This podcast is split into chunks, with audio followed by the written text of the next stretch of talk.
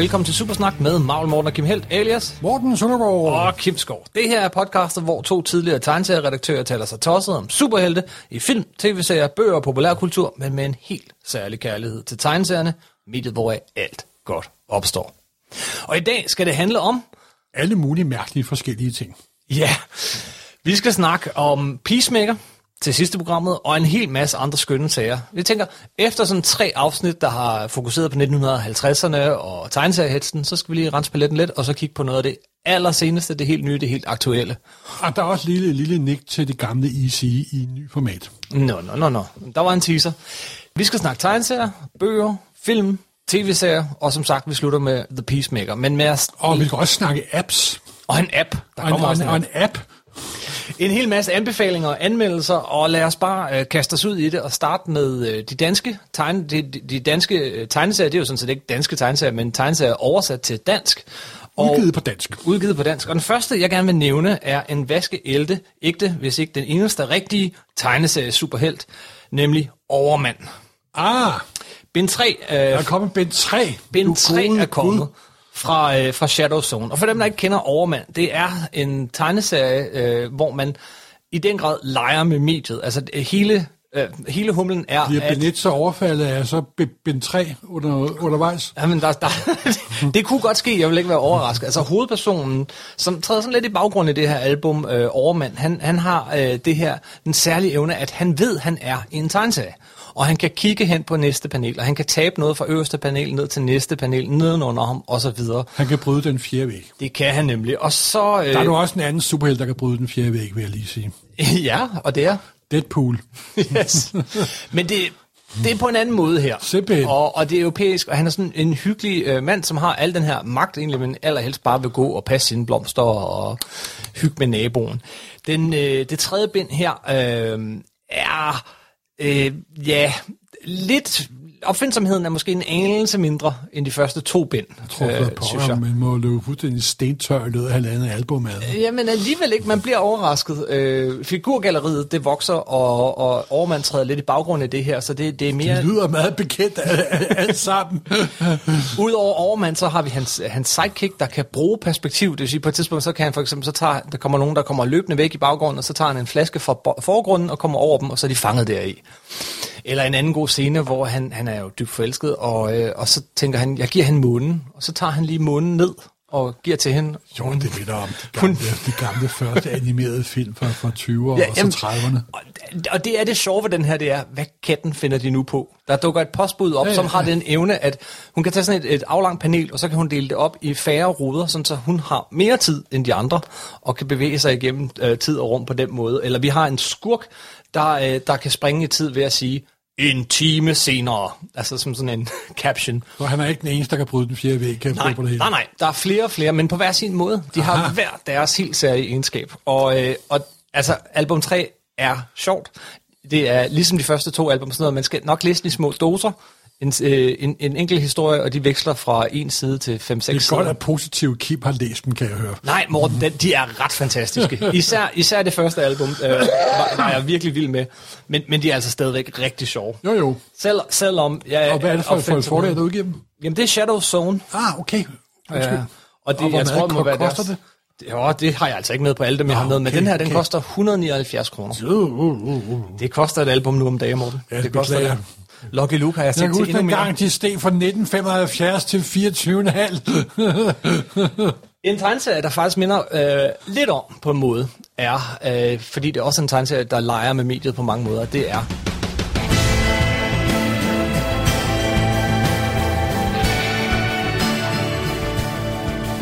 Sherlock Holmes. ja, og det er jo faktisk, i mine øjne, faktisk næsten ikke engang en tegneserie. Nej, det, er, det vi snakker om nu er fra forlaget Kobold, og det er andet bind af I hovedet på Sherlock Holmes af Cyril Leron og Benoit Dahan, eller hvordan man udtaler det. Og, øh, og vi var ret vilde med første Ja, bind. det er jeg også stadigvæk. Jeg må indrømme, at jeg, nu læser slutningen, mm. og der var sådan visse ting, men det er mere de generelle ting, når moderne mennesker skriver, prøver at skrive en Sherlock Holmes historie, så er de også meget svært ved at give, meget svært ved ikke at give Sherlock Holmes og Watson moderne meninger. Ja. Og det er jo alt, det er faktisk et stort problem med al his, his, historisk skrivning. Og hvis du ser en historisk tv-serie eller en film, så er der som regel en anden person, en biperson eller en hovedperson, der sådan repræsenterer det moderne menneske og har et for datiden et forbløffende moderne syn på tingene. Men jeg synes du altså ikke, de holder sig men, tilbage. Men, han, han, han, han prøver det ene opium efter øh, den. Nå, jo, men det er, også, det er jo sådan meget, klis, meget klassisk for folk, der laver Sherlock Holmes plastiger, mm. hvad det jo er. Det er jo en... Colin Doyle skrev 56 noveller og fire romaner, og det er, hvad der er. Og så er der et uendeligt hav af plastiger af Sherlock Holmes, gående for tro kopier til de mest ufantasiløse og så videre, og der kommer uendelige mængder hele tiden. Men det er langt den bedste tegneserieudgave, jeg har set af sådan en ny Sherlock, Sherlock Holmes historie. Også fordi at de bruger det grafiske mulighed til at gå ind i hovedet på ham og vise det der Memory Palace. Ja, det er ikke for sjovt, den hedder i hovedet på Sherlock nej, Holmes. Nej, det er vildt i hovedet, og de prøver virkelig med grafiske middel med den røde tråd, og hans hjerne er som hans loftkammer, som han har indrettet præcis, og simpelthen i starten, der er sådan en papirkog, hvor der er smidt solsystemet, men bor med solsystemet smidt ud, fordi det har han ikke brug for simpelthen. Ikke? Nej. Han skal gøre plads til al den viden, han har om en forbløffende viden om, øh, om uh, britisk kriminalitet i omkring forrige århundrede osv. osv. Hvad er historien sådan kort fortalt? Ja, historien er sådan en mystisk forestilling, hvor der er udgivet billetter og folk, der er blevet bortført og hypnotiseret osv. Og, så videre, og, så videre. og så deducerer han sig frem til, hvordan var ledes. Men historien lider lidt af, at der blev introduceret en masse nye informationer i andet bind, som man ikke havde rådighed til i første bind simpelthen. Yes, og, og, og, og til sidst, så, så bliver den temmelig teksttung. Det bliver, altså, jamen det, ja, det bliver meget teksttung, fordi der er en masse, der skal forklares og retfærdiggøres og så videre, så videre. Så den, den falmede lidt, da jeg læste andet bind, det må jeg ærligt indrømme. Men rent grafisk synes jeg, at den er fuldstændig fantastisk. Men jeg synes ikke, det er nogen særlig god, god tegneserie, faktisk. Dermed er det en fremragende voksenbilledbog. Ah, det synes jeg ikke passer. Jamen, jeg, synes, jeg, jeg synes mere, at den, for mig er det mere sådan en stor, øh, nærmest øh, forlud voksenbog billedbog. Den benytter sig meget mere af billedbogsmediet, synes jeg, end tegneseriemediet. Det, den veksler mellem tegneseriemediet og billedbogsmediet, og så, og så er det jo nogle gange faktisk lidt svært at finde ud af, Jamen, så hvor skal den jeg røde, Så er den røde tråd. Så er der en rød tråd, og det er jo der, jeg, jeg også kommer til at tænke lidt på overmand, med det der med, at den, ja, ja. den virkelig bruger mediet. Det er sådan noget med, så er der en side, du skal jeg, holde op mod lyset, og så er den gennemsigtig. Ja, og du skal folde papiret og lave ja, op, ja, og så videre, så videre, hvad nok fanatiske samler vil bytte. Skal jeg, røve? jeg køber to eksemplarer, hvad jeg går ud fra, at forlæggerne ikke er specielt ked af. Nej, men altså, for mig er det mere en stor blade billede Sherlock Holmes voksenbog, Mm-hmm. Det er det altså. Sådan rent tegneseriemæssigt er den faktisk en lidt ubehjælpsom hister her, nej, og så videre, så nej, videre. nej, nej, nej, nej. Den men er, er super opfindsom. Jamen, den er super opfindsom set fra en billedbogsside. Men som tegneserie, der, der, er, der, er, der er der slet ikke noget flow i den overhovedet. Og sådan Nej, indimellem, indimellem. Ja, ja. Okay. Men jeg synes, den er fantastisk, og det siger måske meget mere om alle de andre Sherlock holmes der har været, fordi de har ved Gud ikke været særlig gode. Mm. Og det er da langt den bedste grafiske fremstilling af Sherlock Holmes, jeg har set i sådan en grafisk fortælleform. Ja, bare Bærer non simpelthen. Ja, og indimellem sidder man bare og bliver imponeret over øh, det, det, de nu har fundet på, den måde at fortælle det på. Jo, men det er nu også lykkedes dem at fange figuren, fordi den foregår jo lige efter, at han har opklaret sagen med den rødhårede øh, forening. Mm. Noget med, at han skulle sidde og kopiere en leksikon, og så grave i en tunnel og så videre, så videre. Så det foregår faktisk for tidligt i Sherlock Holmes karriere. Og det er faktisk den eneste sådan Sherlockanske minus, der er ved den, fordi den foregår tidligt i karrieren. Men alle der alle kender ham. Kommet, alle kender ham så, om han har været berømt så omkring, det foregår i 1890, den her, ikke? Den her Sherlock Holmes berømmelse lyder som noget, der er i slutningen af 90'erne. Men det er nok lidt nørdet og lidt besvændigt. Du er også meget stor Sherlock Holmes-fan. Be- bestemt, bestemt. Men det er også derfor, at jeg synes, den er super, super fed, simpelthen, det må jeg sige. Men den har også alle, lider lidt af mange af de børnsygdomme, som de fleste, for ikke at sige alle, Sherlock Holmes lider af. Mm-hmm. Det er, de ikke kan lade være med at lave en standard Conan Doyle-historie. De skal altid putte noget ekstra på. Og så er det den der, fordi han en gang, en eneste gang tog stoffer i de fire tegn, så er han lavet ham til verdens største narkoman lige, lige, lige siden simpelthen. Ja, ja, det er jo også sjovt at lege med. Og jo, og men, måske der, mere jo, men ja, det er den, åh, det er been there, done, done that. Så Bind 2 fik i serien til at falde med lidt af min begejstring for første bind. Men jeg er stadigvæk varmt anbefalet, og de siger, at de er i gang med at lave noget nyt. Det De laver til. øh, øh, en ny historie, som den her gang kun bliver på et album. Ja, Der ligger tydeligvis også temmelig meget arbejde i at lave den her, mere end der gør i en standard tegneserie. Der, der er lagt mange kræfter. Øh, jo, i men hvorfor at er den så udtænke. så... Øh, men så er den ret ujævnt for, for, for, for, fortalt. I, især album 2, ja. Ja, det vil fordi der, i. hov, vi skal jo lige retfærdiggøre, hvorfor skurken gør, hvad han gør. og Så vi får ligesom to sider med næsten ren tekst. Ja, netop, netop. Anyway. Ja. Jeg kan varmt det er anbefale derfor, jeg siger, at det er en billedbog i stedet for en tegneserie. Det, det, det, det må du gerne sige. Men jeg vil stadigvæk varmt anbefale. Det tror jeg Jamen, også, jeg, jeg, kan jeg, fornemme vil, på dig. jeg, jeg vil lige sige, at jeg vil varmt anbefale, og det er også rent, rent det er enormt flot. Altså. Det, er Ja. jo, det er jo et grafisk objekt, simpelthen. Ikke? Mm-hmm. Ja, ja, ja. Forsiden, der er hans hoved, det er ligesom skåret ud igennem forsiden og sådan noget. Det er også det, det, er bare såkaldt, rent... det er såkaldt cut-out. Ja, ja, ja. Altså, bogtrykkerkunst vil jeg næsten kalde det. Jamen, jamen, det er det. Det er virkelig, virkelig flot album, og hvis du har en Sherlock Holmes-fanatiker, eller bare en, der godt lide Sherlock Holmes' familie, så er det den perfekte gave, altså simpelthen. Jeg håber da også på et tidspunkt, den kommer i en samlet kassette. Nej, nej, nej. Jeg elsker det her. Øh, den her måde at gøre det på. Det, det Det er, er sådan en fedt. speciel ka- kassette. Nå, en kasse til dem. Ja, vel, en ja. kassette. ja, ja, ja.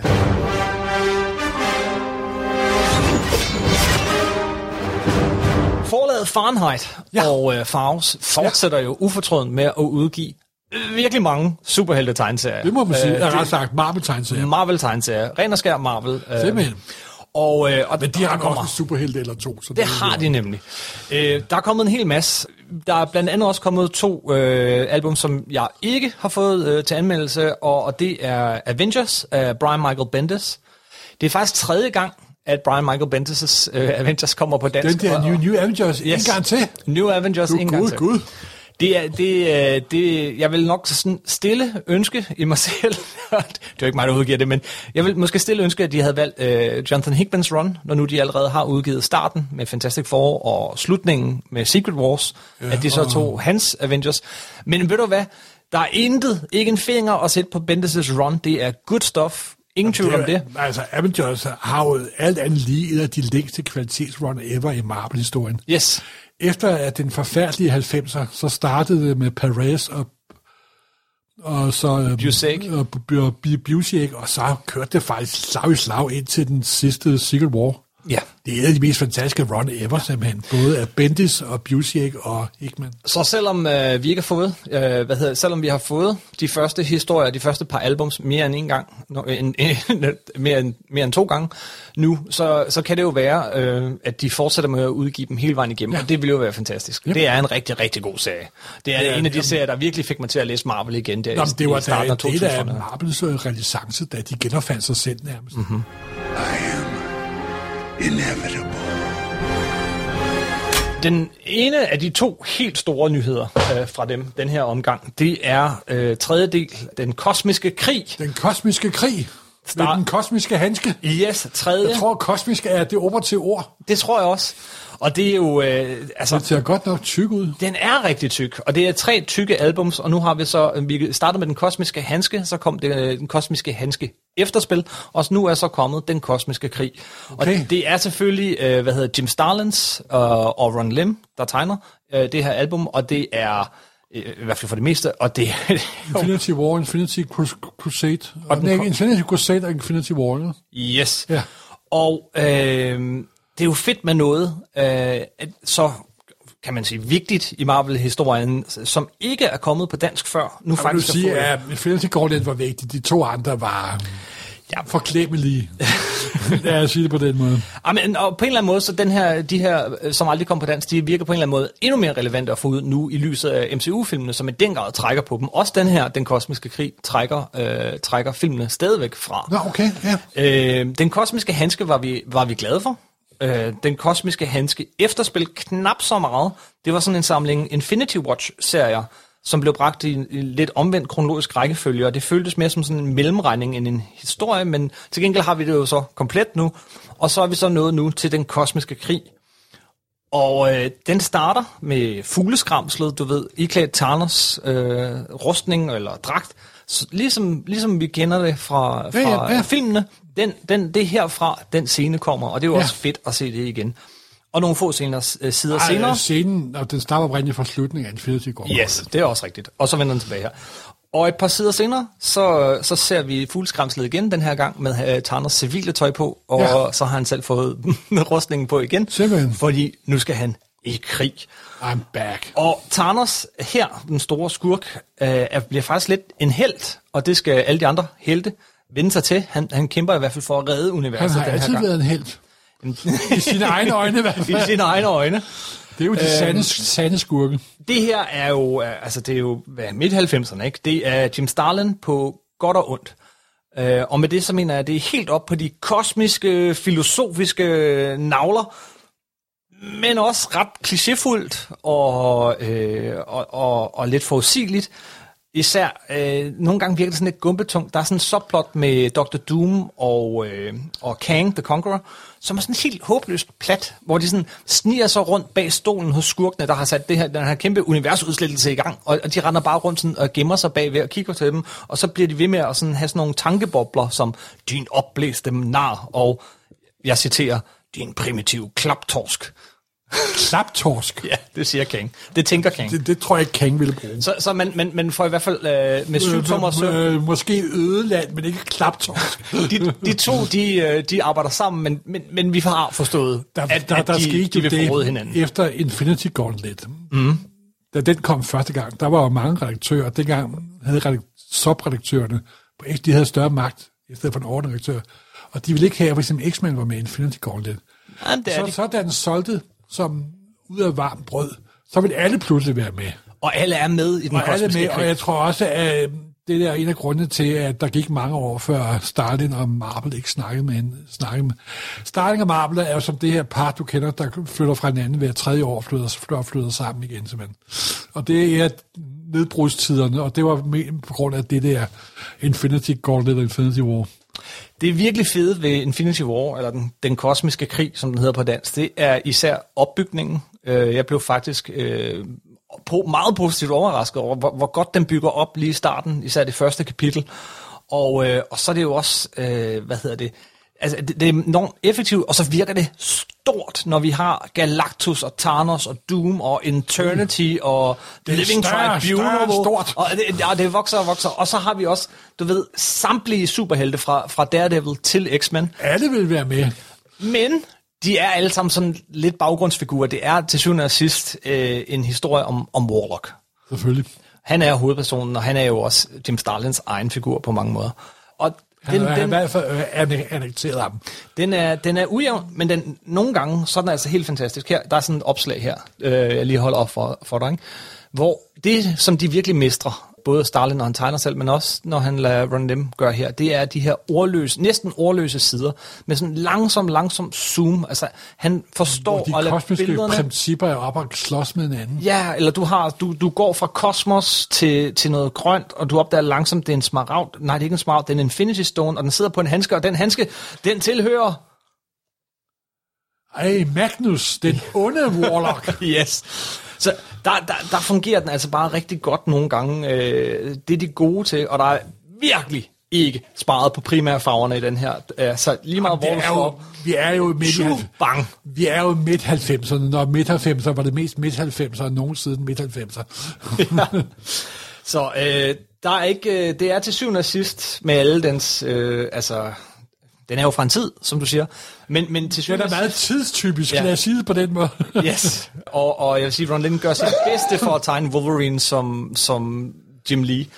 Til syvende og sidst, så synes jeg altså, det var en fornøjelse at læse den. Øh, Okay, okay. Hvis jeg skal komme en anke, øh, så er det, at man har valgt bagerst, og så indsætte nogle numre, endnu flere numre af Infinity Watch.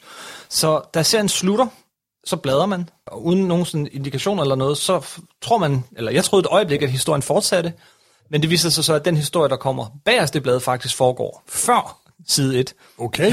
det var sådan, Okay. øh, og så de, de, de sidste sådan seks øh, kapitler skal sådan læses ind imellem de andre kapitler. Og der vil jeg da ønske, at de øh, enten havde lagt dem ind, hvor de hørte til, eller helt udladt dem, fordi de giver faktisk ikke historien noget. Det er, det, det er, det er sådan nogle små tror- sidehistorier. Jeg tror, at de redigerer paperback og ikke blade og sider. Jamen, det det, tror jeg det er vist det, der er det store problem, tror jeg. Den, den, den ville have stået stærkere, hvis den bare stod alene og bare var Infinity War, og ikke, ikke det, jeg vil, altså, kalde lidt fyld. Men det har sikkert Men... også noget at gøre med produktion, for i gamle dage, da jeg redigerede, der kunne vi jo manipulere lige så tosset man ville, Ja, uden at man fik ballade. Og det kan tror man jeg, nok det, ikke i Det dag. kan man desværre nok, nok ikke i dag, så... men de seks ja. historier til sidst, så har du en om Gamora, en om Thanos, og, og så videre, så videre, som nogle gange foregår mellem to paneler, Ja, jamen, og så rigtig det skulle have klassisk. været nogle... Jamen, ja, det, Men altså, det samlet er godt set, nok mange år siden, jeg læste. Jeg læste den gang, de kom der i 90'erne, så har jeg ikke læst dem siden. samlet set så, vil, så er det en anbefaling. Ikke en super varm en, men det er, det er fedt på sådan en lidt naiv måde. Og det er, det, det er fedt. Nu har vi den komplet. Bortset fra, at han selvfølgelig også skrev flere senere. Det ved jeg ikke, om vi også får. Men der gik et stykke tid. Det her var ligesom kulminationen på hans, hans kosmiske... Øh, Jamen så, øh, da de blev gode venner gennem år senere, så kom der jo en Thanos-serie og en The End of the Marvel Universe og The End. Og, ja, ja. og så senere igen, da de blev uvenner, så blev de gode venner igen, så lavede han en seks øh, afsnit hardcover-serie med Thanos. Og nu er de blevet for alvor blevet uvenner. Den næste udgivelse, der er kommet fra dem, er denne her.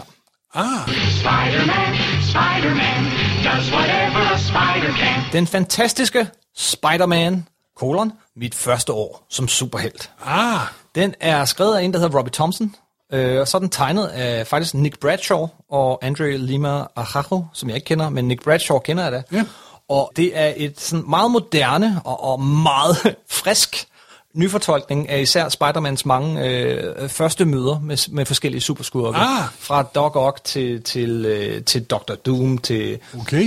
øh, alle de andre gale videnskabsmænd og øh, Sandman. Øh, faktisk altså de, de første mange skurkemøder som sådan i en moderne kontekst. Ja, simpelthen en, en ny fortolkning. Ja, øh, nu, jeg vil næsten, den er oversat af Niels Christian Wang. Jeg vil lige prøve at læse, øh, læse øh, lidt fra den, eller bare lige øh, citere kort fra den her. Det er lige fra åbningen, bare så du får en fornemmelse af sproget. Den fantastiske Spider-Man åbner den, og så har vi Spider-Man, der svinger sig over byen. Hans fødder går over de nederste paneler. Der er, sådan, der, der er knald på med det samme, ikke? Ja, Ja, okay. Fantastisk er måske så meget sagt. Jeg mener, jeg har først lige startet. Måske den utrolige Spider-Man. Stadig for meget. Måske bare Spider-Man. Eller bare Spidey. Mm, Måske. Mit job. Jeg beskytter byen mod påskeharen. Påskeharen er da ikke en bankrøver, eller hvad? Og så hopper der, øh, kommer der sådan en pige løbende ud, som er klædt ah, som hun en, dukkede jo en først. Hun er jo en gammel marmteam op, men sådan fortsætter den øh, med, i, i, i det tempo og det sprog. Øh, og så indimellem bliver jeg nødt til lige at vise dig et opslag her. Øh, har den altså nogle, nogle ret vidunderlige øh, øh, udtænkte opslag, hvis jeg ellers skal komme frem til den, som her, hvor han falder igennem et hus. ah, som det er jo stået- ligesom Sherlock Holmes tegn tegn. Ja, det er lige før, ikke? det, det, det, det, tænkte jeg faktisk også, da jeg så den. Jamen, det, det er da en perfekt, en, perfekt øh, introduktion til Spider-Man, er det ikke? Den er, øh, jamen det er det. Det er nemlig, det her det er en Spider-Man, som jeg kan læse op for børnene. Jamen, det er da perfekt. De er jo ved at udgive øh, Dan Slots øh, Spider-Man, og øh, da jeg så den, så tænkte jeg, hvor, hvorfor nu det her? Det var slet ikke en, en serie, heller ikke på amerikansk, der på nogen måde har været på min radar. Men når jeg så ser min syvårige søn sidde og bladre i det her igen og igen og igen, så får jeg altså optur. Jeg synes, det her det er en perfekt Spider-Man-tegnserie øh, til sine børn. Ja, cool. Og man skal ikke vide noget på forhånd. Den virker moderne og frisk, og trækker på alt det bedste fra, fra Stan Lee og Ditko-dagene. Ja, cool. Så, cool. øh, så, øh, og så især altså, de fede, fede layouts, og så er det meget tydeligt, at øh, Christian Wang, han har, han har haft en fest, da han oversat den. så øh, den er sjov. Øh, den koster, hvad står der her, 168 kroner. Uh. Øh, lækkert udstyr, det er de jo alle sammen. Ja. Det, kan vi næsten, det gider næsten ikke at sige mere, men de er alle sammen rigtig, rigtig lækker papir og, og tryk. Men ved du hvad, det har vi sagt hele tiden til alle deres udgivelser. Men øhm, nu overgår de altså sig selv.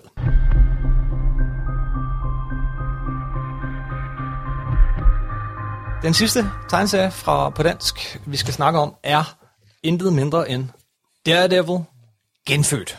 Born again. Born Again. Det her, den her Daredevil-historie af Frank Miller og David Mazzucchelli, de to, som vi snakkede om i, uh, i Bat adventskalenderen Og vi, vi, kom, One. vi kom jo også ind på den der. kommer også lidt ind på den. Det her, det er muligvis den bedste Marvel-tegnserie overhovedet. Ah ja, men det er i hvert fald... Den kommer med i, uh, i toppen i hvert fald. Det, er- det er også det, er, Det kommer an på, det kan man ikke, vel? Men, men altså, og, og det er, det er jo det er fuldstændig forrygende vild historie, øh, og, og øh, øh, altså, jeg, jeg ved ikke, jeg, det er næsten Og grunden til, at den er så vild jo, det er også fordi, at man skal kende figurerne. en lille smule. Fordi ellers så opfatter man det ikke så vildt. Men også da jeg første gang læste, det er det 227, mm-hmm. vi fik der noget af en chok efter at have læst side, side 1, det må man sige. Men side 1, øh, nu bladrer jeg lige op på den, ikke? det er så stramt fortalt det her. Det er lige så stramt, Jamen, som da vi snakkede Batman Year One. På en side, på første side, møder vi Karen Page, som, hvis man ikke kender hende fra tegneserien, så kender man hende jo nok fra Netflix tv-serien, ikke? Så, som hans, hans, hans øh, elskede og hans kollega, som nu sidder her, og vi finder ud af, uden det bliver sagt så direkte, at hun er blevet sådan en slags pornoskuespiller og er afhængig af heroin, og for at få et fix, så sælger hun Matt Murdochs hemmelighed til højstbydende. Og den hemmelighed finder vi så ud af i løbet af de næste to sider, bevæger sig op igennem forskellige forbrydere og havner hos Kingpin, som selvfølgelig med det samme sørger for, at Ikke alle Kingpin, andre øh, Mr. Fisk. Mr. Fisk, men her bliver han altså kaldt Kingpin. Nå. Og, øh, og øh, det var nok tv-serien, der smittede af på det der. og, og, øh, og så sørger han selvfølgelig med det samme for at slå alle andre ihjel, der, der ved noget om det her. Og vi er kun på side 3, og så sætter han ellers gang i den. Den har de her åbningssider. Øh, hver kapitel har sådan en åbningsside, som har sådan en... Den første hedder ap- apokalypse og, og genfødsel. Og sådan noget meget i, bibelsk, øhm, ikke? Hvor han ligger i Gentagende forstærket fosterstilling, simpelthen. Yes. Første gang ligger han i sin egen seng derhjemme, vågner og finder ud af, hov, hvor, min regning er ikke betalt, og øh, hvad er det, øh, hvor, hvorfor, øh, hvorfor du mit checkhæfte ikke, og i løbet af den første bog bliver han smidt ud, øh, ikke bare smidt ud, hans hjem bliver også sprunget i luften, og Det skal du ikke af- afsløre handlingen. nej, nej, vi, vi er få sider inden, og kapitel 2, Skærsilden, der ligger han på sådan et motelværelse, der koster ham 8 dollars, der render rotter rundt. Det er i billede og tekst noget af det mest Jamen, det er da en milepæl i amerikansk superheltehistorie, det er der ingen tvivl om, simpelthen. Men man tror på, virkelig, man tror på, efter de første 40 sider, at, at Daredevil er ved at gå fra forstanden. Han, han, han ringer til frøken Klokken og tror, han snakker med, med, med andre. Altså, det, det er en total nedbrydelse. Altså, man, man bryder ham fuldstændig ned på så lidt plads. Og så bygger man ham op igen. Jamen, dengang Miller var Miller, før han drak for mange Millers, så var han en af de mest effektive fortællere overhovedet. Men det, Ja. det er utroligt, hvad han kunne komme afsted med på et der. Og det var så præcist og så skarpt. Og der var ikke noget overflødigt fedt på den historie. Det skulle have været Daredevil sæson 4. Nu håber jeg, vi får den. det, det er faktisk en serie, jeg godt kunne se som tv-serie. Prøv lige, at se, prøv lige at se den, og prøv lige at holde den. Den er trykt på mat papir, og, og også omslaget er også mat. Det er simpelthen det, er det lækreste udstyr. Det her det er den lækreste udgave af den her historie, jeg har set, og, og, og den overgår alt, hvad jeg har set på amerikansk. Øh, så skal man købe den, så er det, så er det den her udgave. Jeg har jo en graffiti hardcover udgave af den, som der også er, er rimelig fed med. Ja, jeg synes godt nok, den er lækker, den her. Den er super lækker, Og, og og, jeg så synes, er- det er fedt, at de er gået den ekstra mil, og så valgt en, en anden type papir, og en anden type Og så er omslag, siderne jo også lidt større, end de, de sådan 10-15 procent større end de originale tegneseriesider. hvilket Mazzucchelli bestemt godt kan Ja, tåle. be- bestemt, bestemt. Og jeg har ikke en finger at sætte på, øh, det er Henrik List, der oversat den, og jeg har ikke en finger at sætte på den, selvom din oversættelse også var god, øh, da, da, øh, første gang jeg læste den, var jo på dansk. altså, Lis har jo en kæmpe fordel, som jeg ikke havde, fordi han har jo mere plads. Jeg har over, da jeg oversatte den, der var der ikke så forbandet meget plads i boblen, fordi det blev håndtekstet nemlig. Ja, den er blevet layoutet af Thomas Bauer, og indimellem, indimellem, det er heldigvis ikke så tit, så har han ikke rigtig plads til, til Henrik Lists oversættelse i taleboblerne, og så formindsker han størrelsen en lille smule, og Og så, knibet. og så virker det som om, de visker. Det, øh, det kan vi det, ikke lide. det, det kan vi ikke lide, men, men det er sjældent. Hov, hvorfor har de nummer 126 med? Jamen, det har, de har nemlig nummer 226 med. Den kommer bagerst, og, ja. og, og her er det ikke sådan, at man bare læser videre og tænker, hov, hvad sker der? Men de har faktisk lige skrevet, at de har den med for, øh, ja, øh, Ah, ja, hvad hedder det, for kompletisterne, ikke? Ja. Det var nemlig sådan et nummer, de, de ligesom prøvede hinanden af på, inden de lavede den her øh, fuldstændig banebrydende og epokegørende historie. Jeg har ikke lyst til at gå mere i detaljer med den. Det, den fortjener næsten et helt afsnit en dag, men, øh, men øh, ved du hvad, den, hvis, vi giver ikke karakter, vel, men hvis det var 12-tals øh, skalaen, så havde den fået 13-tal. det er nu mange år siden. 12 -talsk. Nej, det er 13-skalaen. Ja, er det UG ja. eller plus med kryds og slange, du er i gang med? Det er, øh, Det er simpelthen det bedste, de har udgivet. Og, øh, og jo hvis de klart, kan, når med- når- jamen, det- og det er historien, men det, det er også, øh, det er også øh, den kælen for, for boghåndværket, Ja, som, den er vildt, som den de er sætter for dagen her. Det ser vildt lidt, lidt lækker ud, Ja. det må jeg sige. Det Det er er 248 kroner. 248 kroner, og det er, hvad er det? Hvor mange numre var den på? 6 plus et hæfte. 27 til, til 33 plus et hæfte, så det er 26 til, til 33. Den er pisseflot i den her udgave. Jeg ved, at de har en masse andet på vej. Jeg kunne læse på Facebook, at uh, Matt Fractions og Salvador La Rocas Iron Man er på trapperne. Ah. Og, uh, og forhåbentlig fortsætter de også med deres Fantastic Four uh, af Hickman og deres Spider-Man, og måske kommer der mere af det her Spidey. Jeg, har, jeg håber, at der kommer en masse, men jeg glæder mig allerede, og jeg glæder mig endnu mere nu, hvor jeg har set den her Daredevil genfødt. Morten, du har også læst en masse tegneserier, så skal vi ikke hoppe over til de amerikanske? Du har en masse med, du, øh, du gerne lige vil øh, Ja, det anbefale. er bare så lige det, jeg er i gang med for tiden. Mm-hmm. Og det, er jo- det er jo mere, fordi det er jo sådan lidt standard Marvel DC superhelte. Hal- Halløjsa. Det er jo ikke fordi, der er noget af, der sådan er... Det er, Der er ikke noget, der, der, der er blevet gen- genfødt, Nej, nej, men, det er men, også øhm, meget for langt. Nej, der kommer jo også senere i uh, trade paperbacks, jamen. jamen. Og der er, vi, der er King er jo i gang med uh, The Human Target. Ja. Der er de kun nået til nummer 4. Mm. Men når den engang kommer samlet, så skal alle købe den. Yes. Den er fuldstændig fa- fa- fantastisk. Så flot farve. Og der kommer også snart uh, Adam Strange, kommer også, den er kommet samlet i hardcover. Mm. Det kommer sikkert også snart i en billig trade Hvad, synes du om den, Adam Strange? Jamen, den synes jeg også er stor, det må jeg sige. Det- det tog mig lidt tidligere at komme den, ind på den eneste, jeg ikke sådan, det eneste er, det er øh, de sidste par King Runs. Jeg synes, Rorschach godt nok var lidt langtrukken. Den er, den er udmærket, men den, holdt ikke til, til 12 efter. Mhm. Mm-hmm. Og så den der Batcat, han er i gang med. Der, han er meget begejstret for tegneren. Jeg er ikke nær så begejstret for tegneren. Så den, den er dog ikke færdig nu. Der mangler to numre.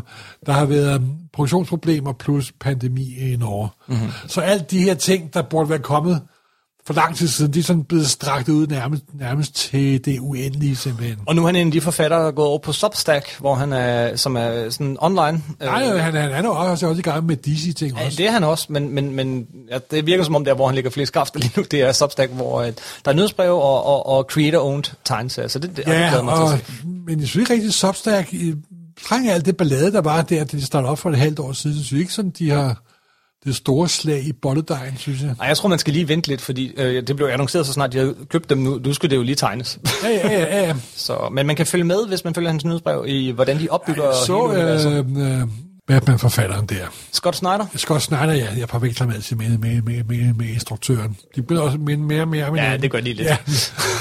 Han har annonceret alle de nye serier, han vil lave for, for Substack. Ja. Det mindede utroligt noget af det, han havde lavet før. Ja. Jeg, jeg, kan godt være, at de får deres egen co- copyright, men jeg synes, de var lidt mere originale. Men, lad, os, lad, os se, lad os læse det, før vi dømmer det. Ja, simpelthen, simpelthen.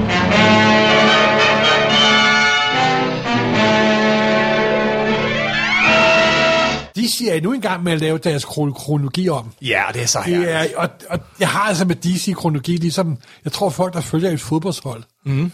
Så du ser kampene, så er det enormt vigtigt, hvem der vinder. Og så går jeg halvt år, og så har du glemt alt om det simpelthen. Ikke? Og sådan er det også lidt med DC's kronologiserie. Jeg synes, de er enormt morsomme, og så videre, og så videre. Men er de gode? og nu er de i gang med en kæmpe afsløring, hvor alle crisis, der har været før, er bare optakten til den nye crisis, og Ej, det er løgn. og øhm, i den afsluttende nummer af Justice League, der dør Batman, Superman og Wonder Woman, og... Hmm, der er vi Men som sagt, sidste gang jeg hørte om den, der var de fans, der læser nu, de var jo ikke engang født, så det passer jo storartet. Ej, det er herligt, og det, det, det, det er jo propfyldt med referencer til alle mulige fede Ja, altså det er jo Bendis, der, er, der, der har kørt Justice League i mange år nu, og de er også vældig, vældig, vældig underholdende.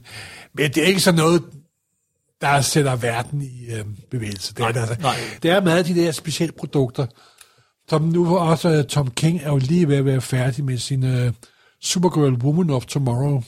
Ja, Og når den kommer sammen, vil jeg også varmt, varmt anbefale den. også bare, den er herlig. Og det er meget af de der specielle ting, der er lidt uden for kronologi, hvor de kreative kræfter ligger med af deres kreative energi. Det kan, kan man godt mærke. Jamen det er rigtigt, det er blevet sådan lidt, øh, at at det er meget miniserierne Ja. øh, og maxiserierne, hvor at, at det bedste kommer lige nu. Og, men, men det, og derfor er det stadig dejligt at have det her kronologiråd inde i, i Ja, ja, men jeg elsker det kronologiråd. Er det ikke. Joshua Williamson, han hedder, der skriver de her? Jo, netop. Også apropos kronologiråd, og øh, der er jo ingen af dem, sådan de gamle klassiske, han har jo, da han startede, var han jo ung, men nu er han jo ved at være en gammel klassiker. Dan Slot har jo overtaget Fantastic Four, Ja. Den slot, som... og nu er han i gang med en ny serie, så folk kan købe, når den kommer sammen. The, Reckoning War. Ja, The Den første krig i Marvel-universet, og det er noget, der griber helt tilbage til den, hvor The Watcher stammer fra, og så videre, så videre. Og jeg har lige læst første nummer, Alpha nummer et, og fantastiske forår, og masse kronologi og forstår, jeg synes jo, det er ganske vidunderligt. Men det er totalt sovset ind i Marvel-kronologi, simpelthen, ikke? Mm. Så, så Af der- fans for fans. Ja, What do you know about the multiverse? Og så er der jo det sjove med Marvel, at når deres figurer bliver populære på film, Doctor Strange har jo sammen med Spider-Man her med No Way Home, Ja. har haft en kæmpe succes. Men så gør de noget helt andet- anderledes med figuren over på tegneseriesiden, for de har lige udgivet en fem nummers miniserie, og det, den afslører, The Death of Doctor Strange hedder den simpelthen. Mm-hmm. Og den har faktisk været rimelig god. Men det er også sjovt med, at Marvel har altid haft et problem med Doctor Strange. De har aldrig rigtig fundet ud af, hvad de skulle gøre ved ham. Han er for mægtig. Jamen også det der med, at han er... Der var selvfølgelig den fuldstændig guddommelige periode med Steve Ditko, og det var hvad der var. Og så kom, Det er længe siden. og lides, ja, det er det med meget, meget, meget længe siden. Og så har de altid prøvet, nogle har prøvet at gøre Doctor Strange til en horrorserie, og det er han jo ikke, og så de sådan prøvet at gøre ham til sådan en mere actionserie, det er heller ikke, og det har bølget lidt frem og tilbage, der har været enormt gode perioder. Gene Conan, Steve Engelhardt, Mark Roger, Roger Stern. Jason Aaron. Ja, Jason Aaron er sådan det sidste store run, der har været virkelig godt. Der kom cirka 20 numre der, mm. og det var virkelig godt. Samlede en omnibus her om ja. et par måneder. Ja, og det er virkelig, virkelig godt. Kan jeg på det varmt. Det er de bedste Doctor Strange run ever. Yes. Men siden da, så har der været totalt kaos med ham. Der tog de ham til sådan en rumfaren. Han smeltede sammen med Galactus, tog ud i rummet og kom tilbage igen. Pludselig blev han, fik han sine øh, hænder igen, så han også blev en kirurg. Så han var doctor by day og magician by night, og så videre, så videre. Og nu er de så taget konsekvenser, og nu er de simpelthen slået ham ihjel. Mm. Eller har de selvfølgelig, fordi han jo ikke død. Alt superhelte klassiske superhelte dør ikke, det ved alle, ikke også? Men den her, lige sige, den her fem nummers miniserie, der kommer samlet på et tidspunkt med The Death of Doctor Strange, den er faktisk ret underholdende. Den er faktisk rimelig god, faktisk, vil jeg sige. Og det er et helt nyt forfatter. Jeg har aldrig nogensinde hørt om Ted Mc- McKay, hedder forfatteren, og Lee Garbett hedder øh, tegneren. Og det er virkelig, jeg har aldrig hørt om de to der, men det er virkelig underholdende. Det er virkelig godt. Og Ud af det er kommet Strange Academy, er det ikke? Nej, nej, fordi James, det, det var også det, jeg vil komme ind på senere. Strange Academy kom før nemlig. Okay. Det er, og det er et virkelig fantastisk team. Det er Scott Young, der er forfatter på den. Og han er en tegner. Han arbejder faktisk for Pixar, men også forfatter. Og så sammen med, med Ramos. Humberto lavede- Ramos? Ja, simpelthen. Og der er kommet 15 numre, og teamet er ikke skiftet endnu. Og det handler om sådan et... Hvis du forestiller uh, Professor X skole for mutanter, så er det Dr. Strange skole for folk, der børn, der har magiske egenskaber. Ja. Og den er kører virkelig godt, og den er ganske fantastisk, og det fungerer virkelig godt. Men det er de bedste sådan faste serier, Marvel har, har for tiden. Jeg har ikke fået den læst endnu, men jeg Det har er kun hørt Strange godt om den. Academy.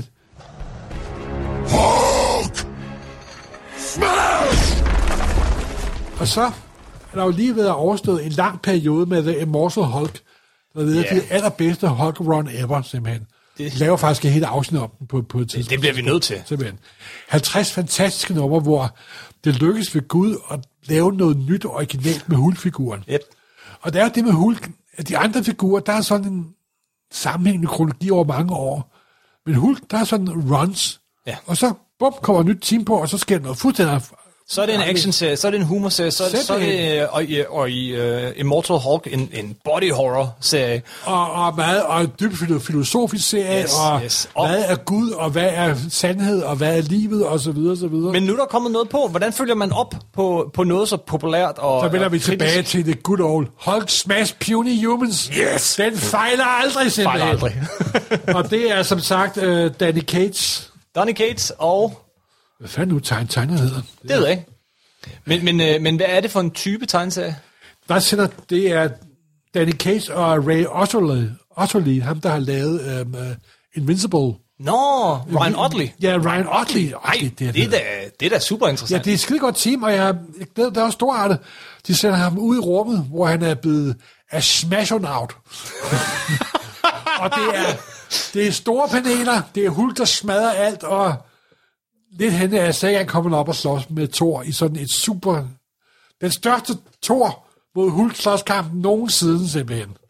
Så det er ret sjovt. Men det, det er good old Hulk smash simpelthen. Hvor jeg tror, det er lige det, er, det, er det eneste rigtige at gøre. Jamen, det er det eneste, efter en super mærkeligt, fuldstændig fantastisk Immortal Hulk med body horror og filosofiske principper og situationskritik og alt i en kæmpe pærevælling af sådan en nærmest pseudo-Alan Moore-forfatter. Så glæder jeg over til Hulk smash puny human and he dotted in the entire universe. Man. Smashtronaut.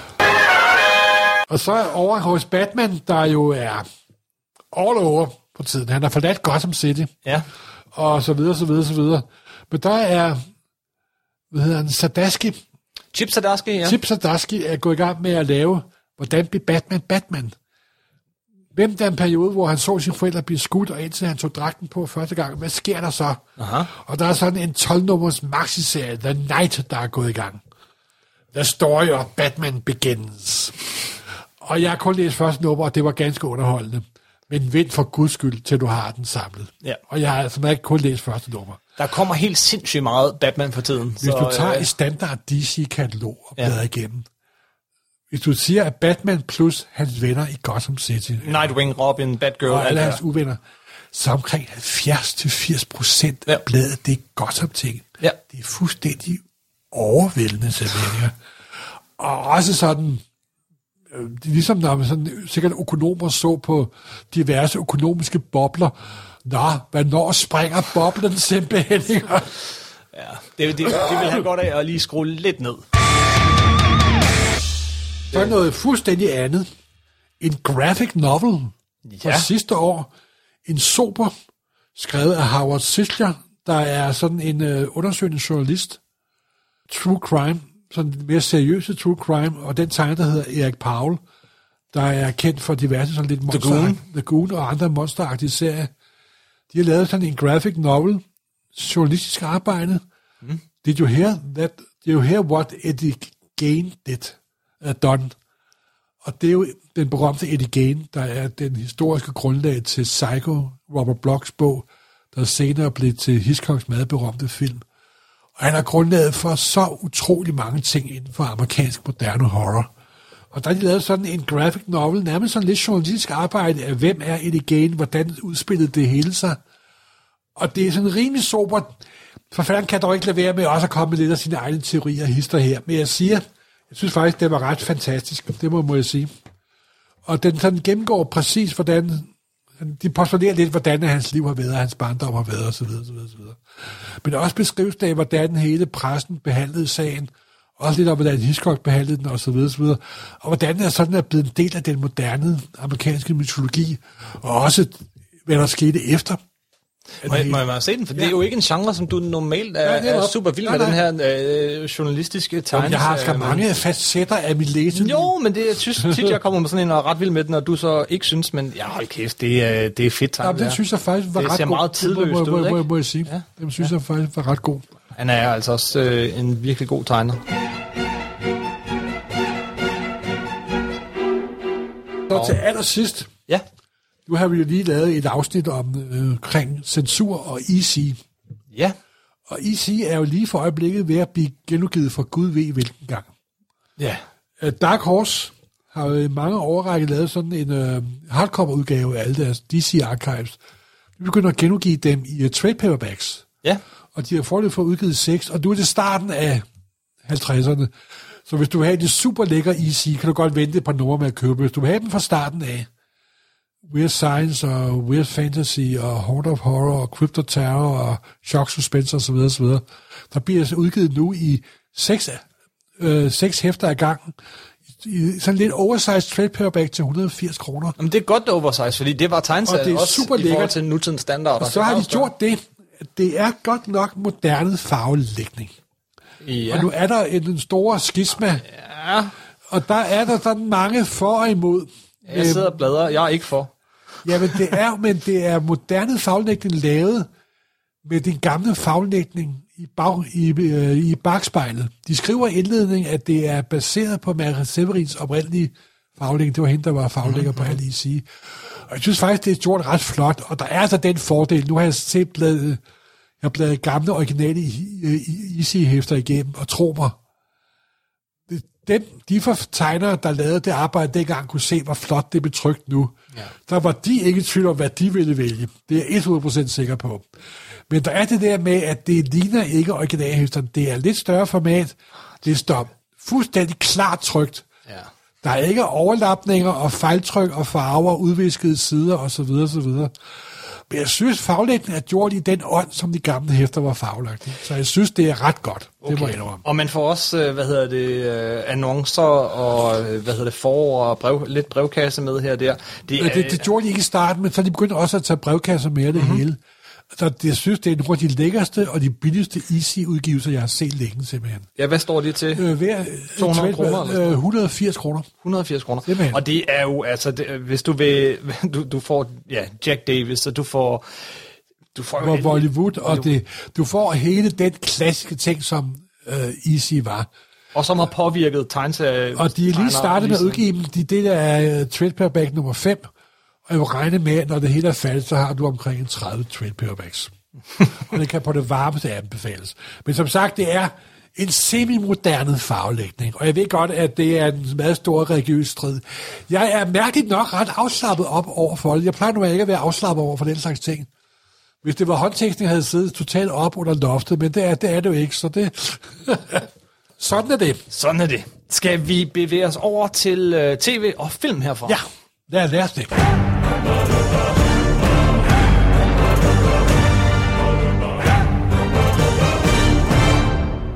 Og øh, den første, vi bliver nødt til at omtale, synes jeg, er The Book of Boba Fett. Ja, så har jeg ikke... Jeg, jeg så kun de første to afsnit. Er det rigtigt? Ja. Nå.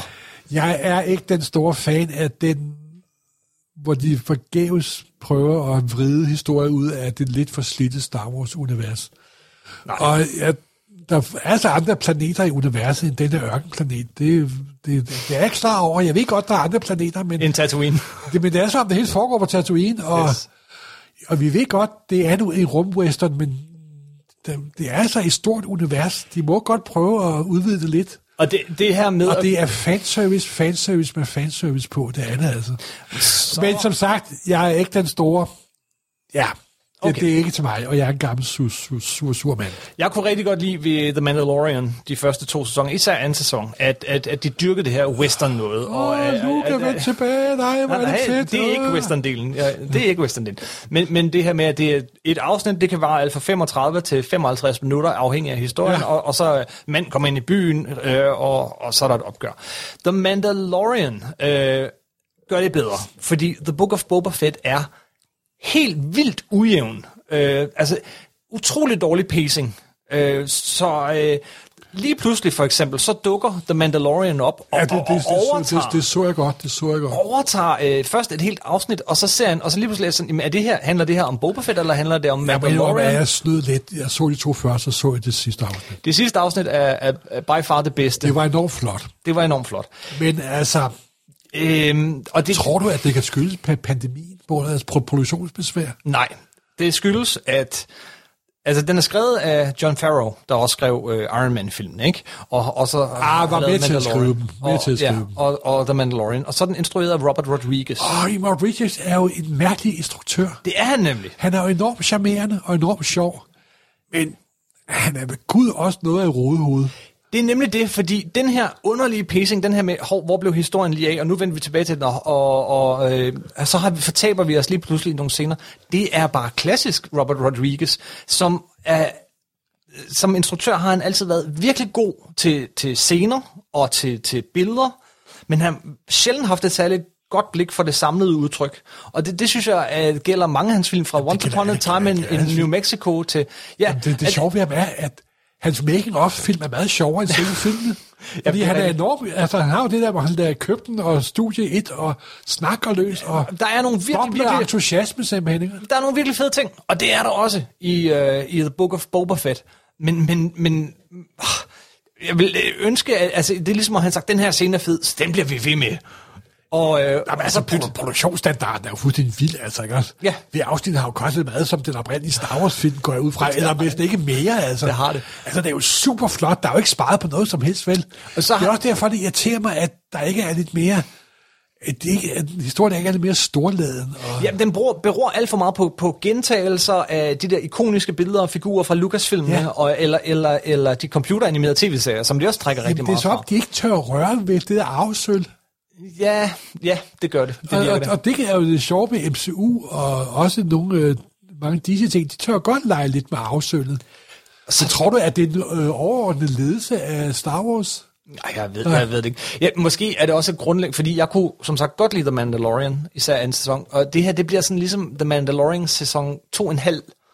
Og det er ikke, det, er- som starter den ikke, men som er, slutter er den. det ikke bare Tales of the Star Wars Universe? Nej, altså det grundlæggende problem er nok, tror jeg, det, det, et, et virkelig grundlæggende problem ved den er, at de tager at det er Boba Fett's historie, at de tager Boba Fett, den ultimative, nådesløse Den ultimative bifigur, der Bifigur. skulle, der skulle ja. forbyde bi- bifigur. Ja. og, og så gør de ham lige pludselig til de gode beskytter. Og, og, og ah, så god er Tamora Morrison altså heller ikke i rollen, og det, det mm, jo, men det er stadig Star Wars. Øh, øh, Jeg, jeg, jeg, kunne ikke, jeg, jeg synes stadig, det, det, det er dejligt, og jeg synes, det er bedre Star Wars. Den der knee-jerk reaction, den kan de ikke blive ved med at vride, kan de? Nej, jeg er også Se, lidt- det er Millennium Falcon. Se, det er Millennium Falcon. Åh oh, gud, det er Millennium Falcon Jamen, en jamen, gang til. virkelig, der, der er et afsnit, hvor de øh, billede for billede gentager scener fra den første Star Wars film, ikke? Jamen, for Øh, helvede, altså. Og det, kom nu videre. Jeg håber, at, øh, at Obi-Wan-serien bliver Jeg ved bedre. godt, at jeg ikke er den rette til at sige, at jeg ikke kan lide ting, der bliver gentaget. For jeg, Nej, det kan du jeg ikke. ved udmærket godt, at jeg graver min egen grav, når jeg siger, siger sådan noget. Men altså, jeg vil jeg synes grundlæggende ikke, at Star Wars-universet har samme store episke struktur til at fortælle historier, som mange andre Star Wars science fiction-universer har. De, de sidder altså fast i en mudderpøl. Skal altså Ja, sige- for hvor langt kan man bevæge sig væk fra Skywalker, som Jamen, altså, vi heller ikke bevæger sig væk fra, før, før det til ikke er at Star Wars. fortælle Star, Skywalker-familiens historie. Mm. Hvis sådan lige snart bevæger sig ud over Skywalker-familien, så... Ja, men jeg er ikke helt enig, for jeg, jeg Nej, synes nej, jo, nej, at- men jeg er heller ikke jeg er bestemt, jeg, og jeg ved, der er tusindvis af fan, og jeg, jeg jeg synes Rogue One var en rigtig god film. Den jamen, det, bedste det, var, af de nye. det var bestemt den bedste af de nye film. Og den får en prequel, og øh, jamen, alt får en Jo, men- prequel og en sequel og en Jo, men altså... trequel. Og nu kommer den der nye Obi-Wan tv-serie, ja. som jeg faktisk glæder, fordi jeg kan nok godt lide Ewan Ewan Det jeg McGregor. Ja. Men der skal sgu da noget af skohorn for at få puttet ham ind i sådan historien, ikke også? Den foregår Hvorfor på gen- Tatooine, Morten. Nej, altså... jeg, jeg var ikke, jeg, Tatooine bliver præsenteret som 10 meter fra verdens røvhul. Måske i prutteafstand fra verdens røvhul. Ikke? Jeg var ikke klar over, at det var galaksens centrum simpelthen. Vel, altså, Man, man begynder at tro det. altså åh, Ja. der, der trænger altså... Det trænger til en Frank Miller, der tager en forham og smadrer det univers og bygger sammen på en ny, ja. ny, ny måde. De har ikke tabt mig helt endnu, og, øh, og, og der er der håb. Øh, og det er Star Wars. Men, Det er, og, og der er nogle og gode produktionsmæssigt er det jo virkelig flot. Ja, det er virkelig, virkelig flot. Og det, er, og det er jo det er lidt sted, det er lidt at sidde og brokse over, at slikbutikken ikke er stor, stor nok. Ikke? Ja, der er for mange vingummier og Ja, nok simpelthen. Hvorfor er, der, hvorfor er der for mange brune M&M'er, når jeg bedre kan lide de gule? Thomas? You seem particularly triggered right now. Can you tell me what happened? I've had dreams that weren't just dreams.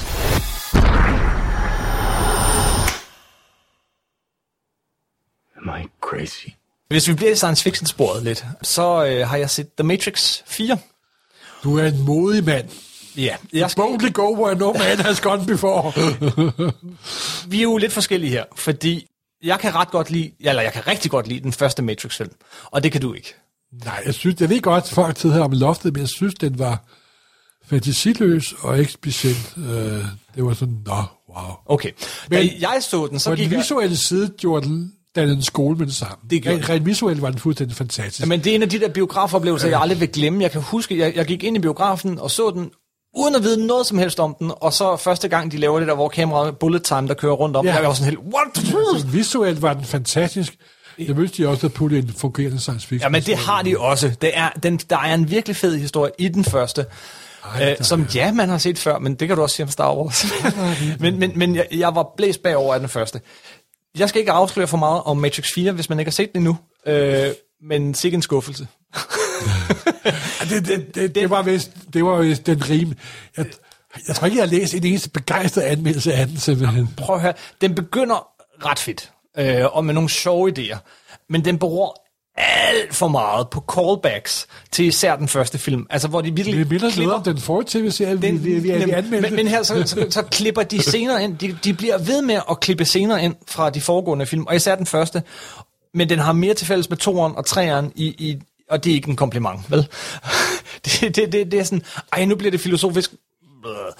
Og så, øh, så det, det er sådan en tynd omgang, sådan lidt pseudo-klog, og, og så værst af alt, tror jeg faktisk, den mangler actionscener, som blæser mig bag. Wow. Altså, så det er både på det visuelle og, og på den der dybde, som, som kendetegnede den første film, at, at den fuldstændig Det var fejler jo heller ikke en film, som verden skreg på, vel? Det var det altså ikke. Nej, men traileren var fed, og øh, jeg, jeg er ret glad, jeg er ret glad for... Øh, Stå på, din gravsten. ja, men jeg, kan, jeg, er- jeg er blevet ret glad for, øh, for Keanu Reeves på hans Jamen, ældre jeg, jeg har dage. intet imod Keanu Reeves, og jeg er det fjerde legemorderfilm, han er i gang med. Men den er, og, og det er tydeligt, at øh, okay, de kunne ikke få den skuespiller tilbage, og ah, øv, Han er jo sikkert alt for rar til at sige nej. øv, desværre.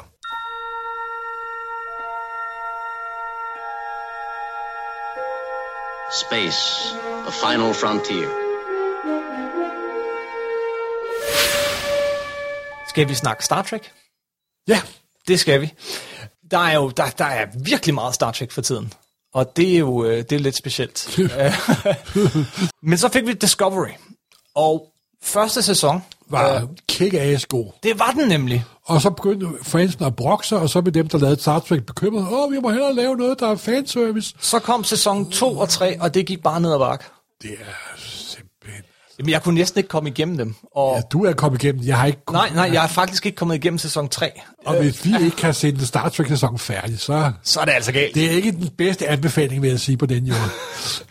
De er lige så dyrt, altså lige så dyrt produceret, og de er virkelig dyrt og lækkert og flot produceret. Jamen, der er intet at udsætte på kvaliteten lige så langstrakte af de her sæsoner. Altså hvert afsnit øh, indeholder en eller anden, en eller anden lang enetale, og de skal tale til dine følelser, og det fungerer bare ikke. Og så er det sådan en historie, de strækker over øh, 12, 12 afsnit, men det burde de ikke. Men fjerde sæson er gået i gang, og der er der faktisk begyndt at ske noget. Den har fundet, det er ligesom om, den har fundet sin ben. Lidt ligesom Next Generation. Det tog den faktisk også næsten fire sæsoner at finde sin ben. Nu er der et subplot, som kan bære historien. Vi rykker ud i fremtiden. De har fået en masse gode skuespillere ind Du i, i forskellige det er, roller. Det er plus fremtiden, De har, de har skiftet, ja, øh, ja hvor Star Trek startede som... ude i fremtiden. Det, Men, men, men sæson 1 var en prequel til Ja, det godt, Original ved Series. det godt, Den her det. foregår mange, mange år efter Next Generation. jeg skulle bare drille. Og jeg synes faktisk, den er værd at genbesøge nu. Men hop direkte til fjerde sæson. Jeg glæder mig til Picard anden sæson. Ja, ja. Og Det, jeg er en underlig årsag, jeg synes, at traileren var fed. ja. Fjerde sæson, hvad hedder det, øh, er i øvrigt også den eneste, du kan se lige nu, fordi de har fjernet sæson 1-3 øh, fra Netflix, og hvis man, man skal købe Paramount Plus for at se Star Trek, men de har kun fjerde sæson liggende. Ah, Så derfor.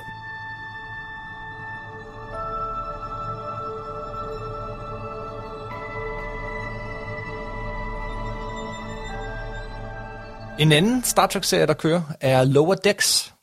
den har jeg ikke fået set. Den er virkelig sjov. Den er virkelig sjov. Det er en tegnefilm. Er baseret øh, på et afsnit af gamle Next. Yes, og den dyrker den her Next Generation vibe. Virkelig, virkelig. Det er super nørdet. Der er så mange referencer. Deep, deep, deep cuts. Øh, men også øh, nogle sjove figurer, som man holder af, og man meget hurtigt kommer til at holde af, og, og, og det, det er top underholdende. Det, er, øh, det minder lidt om Futurama, Ah, blandet med Star Trek. det er og, altså en animeret serie. Ja, ja. animeret øh, 20 minutters afsnit, Ah. med, øh, hvor de virkelig trækker på de mest obskure ting. Ikke ligesom Star Wars, hvor det er sådan, nej, se, nu er det mere sådan, du fatter det, hvis du fatter det, du behøver ikke at fatte det, lad os komme videre. Kæmpe tempo. Den minder faktisk ret meget om Seth MacFarlane's The Orville. Fordi det er den bedste Star Trek, jeg har set i lang tid. Nemlig. Ja. Der er, vi glæder, os- jeg glæder mig meget til tredje sæson. Den synes jeg var, af en eller anden underlig årsag, synes jeg, den var guddommelig underholdende. Mm-hmm. Og hvis vi lige ser bort fra en fart joke hi, hi, hister her, så var den faktisk, altså hvis der er noget McFarlane, Zack McFarlane elsker, så er det Next Generation. Åh, oh, det er tydeligt, han har Han, hørt han er ikke alle. fan. Han er super fan. Ikke den originale af Next Generation. Han, han tilbyder et alter med Next Generation. Det er men, 100% ja, det er jo sikkert. helt vildt. Det er fuldstændig vildt. Samme grafik, øh, samme design, samme Jamen, altså, Jamen, han komponist, vil- samme instruktør, samme manuskriptforfatter, når han ikke selv skriver dem. Jamen, det er altså, helt vildt. Det, er- og det, men det er, det er selvfølgelig fuldstændig fanboy derudaf. Men det er sgu fanboy, der virker. Og jeg var enormt underholdt af de første to sæsoner af så Orwell. Det Orwell, den tog lige sådan 3-4 afsnit, tror jeg, før den, Ja. fandt, før den fandt ud af, hvad den var. Ja, øh, der, var, der var lidt for meget Seth MacFarlane i de første par afsnit. Ja, og, så eller- gik der, og så sagde han, nej, vi laver sgu bare Next. Og det er bare Next Og Generation. det er simpelthen... Ja. Og sådan er det også lidt med Lower Decks. Det er virkelig Nå, okay, øh, så uh, vil Next jeg- Generation. Seneste skud på stammen, det er en, en helt ny animeret serie, der hedder Prodigy. Og, øh, og den er computeranimeret. Jeg så første afsnit i går sammen med, sammen med familien.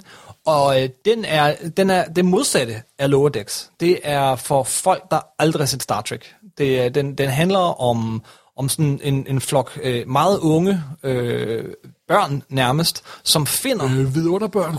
Nej, de kommer fra en fangeplanet. Ah. Og så finder de et øh, forladt øh, Federation rumskib, Ah. og, øh, og, og flygter fra rumplaneten. Og, og så er der et hologram af Janeway, som er spillet Åh, åh. af Kate Mulgrew. Kunne ikke have, kunne ikke have valgt en anden Jeg kan godt lide Janeway. Og, øh, og hun er Nej, så deres, hun er så deres lærermester. Den, den så vi øh, med, med, med, med børnene, og, øh, og, og altså, lidt uhyggeligt en gang imellem, men de var ret fanget. Den, øh, Nå, okay. Se, de har i, i meget høj grad skilet til øh, Clone Wars og de her Star Wars-serier i figurdesign og tempo Nå, og det altså- hele. Øhm, så altså, den minder den De meget. om. animerede Star Wars, ja, de er jo super lækre animeret. Mm-hmm. Det er nærmest som sådan græske statuer er kommet til live. Eller sådan noget. Ja, og, og det har de lidt det der kendte det er udtryk. super lækkert. Det er super lækkert. Så Så jeg kan kun dømme ud for må første jeg jo afsnit. finde mig i, at Janeway lægger stemme til. Men det er en serie til børn. Øh, den er for, det, der står, er, det, for, det er ikke nogen. for, for syv år, og, og det, det er perfekt. Hvorimod Decks, jeg tror, aldersgrænsen er 16. Ja, ja. Øh, men, men der er altså også godt Star Trek derude. Jamen, det viser jo også, at Star Trek er også sådan et univers, ligesom andre Batman og Spider-Man, der er blevet lavet til alle grupper, alle Ja. alders. Og, Ja. Og der er jo meget mere på vej. Der, øh, der kommer vist nok en sek, øh, sådan en uh, Section 31 øh, øh, Okay. serie, og der kommer Black Ops, Star Trek med, med style. Michelle Yeoh, og der kommer øh, New Voyagers lige om lidt, som er der foregår hvornår?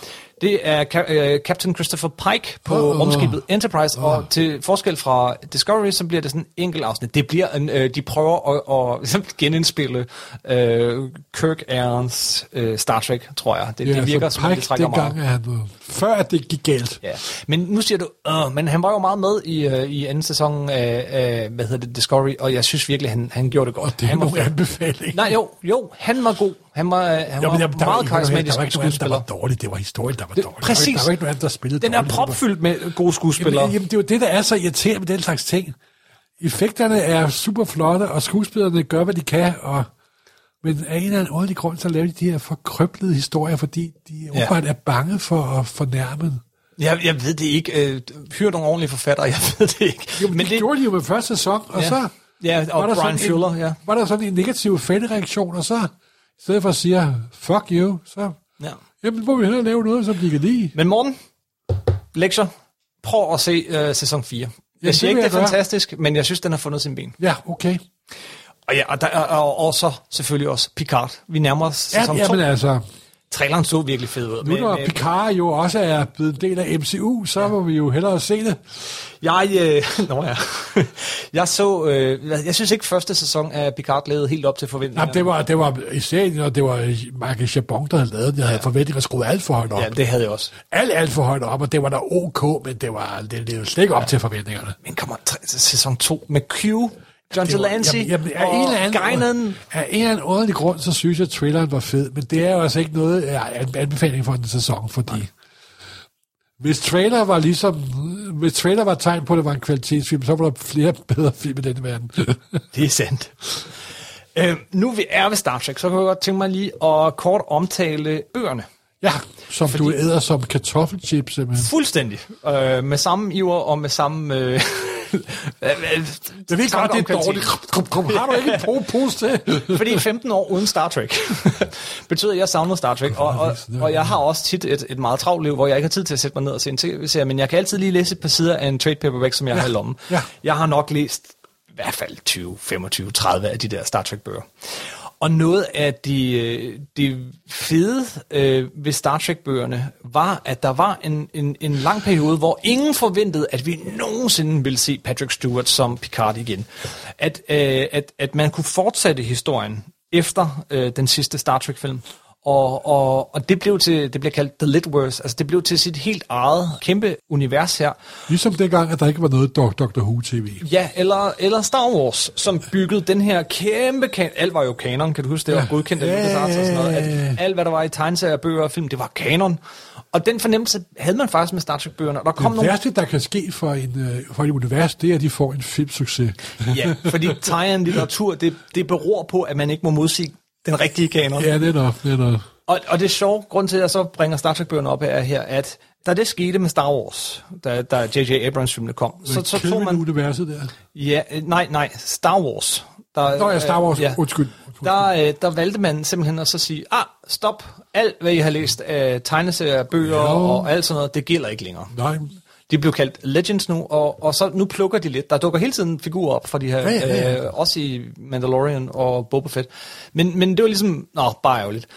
I Star Trek-universet, som har kørt så længe, og faktisk blevet mm, øh, forholdsvis få gode forfattere, som har skrevet en masse af de her bøger, de vælger at afslutte det på en måde, så det passer ind.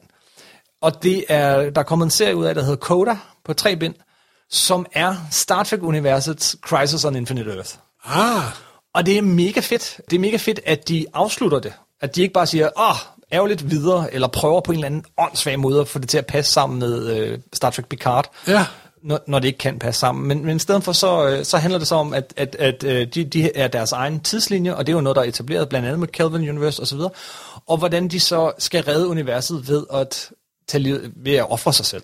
Og det, og det er faktisk en, en, en virkelig action-packed bogserie, som, som refererer alt muligt, og jeg, jeg var super underholdt, og så synes jeg også bare, at det er interessant, at man gør det på den måde. At man ligesom viser dem, der har fulgt de her bøger i så mange år, øh, den respekt, øh, og, og så afslutter det på en fin måde. måske deres pengepunkt, de er ude efter. Hvad med? Ja, så meget tjener de nok heller ikke på det. Men, men jeg synes bare, det var fedt, at de, øh, de afsluttede det og, og gjorde noget interessant ud af det. Øh, Det var så et ned. Koda. Coda. Coda. Øh, og, og man kan sagtens bare, øh, hvis man gerne vil læse det her, så bare tage Coda, de tre bøger. Man kan sagtens bare starte der. Ellers så vil jeg anbefale, at man startede med den øh, miniserie på fem bøger, der hedder The Fall, som handler om, øh, hvad der, altså, øh, uden altså, uden at afsløre for meget, men farvel Deep Space Nine. Goddag, ny Deep Space Nine. Øh, og en masse andet. Øh, de, de er rigtig fine. Men Coda, den afslutter så historien, og øh, ja, det er en 11-1200 sider, som jeg fløj igennem på halvanden uge. Okay, cool.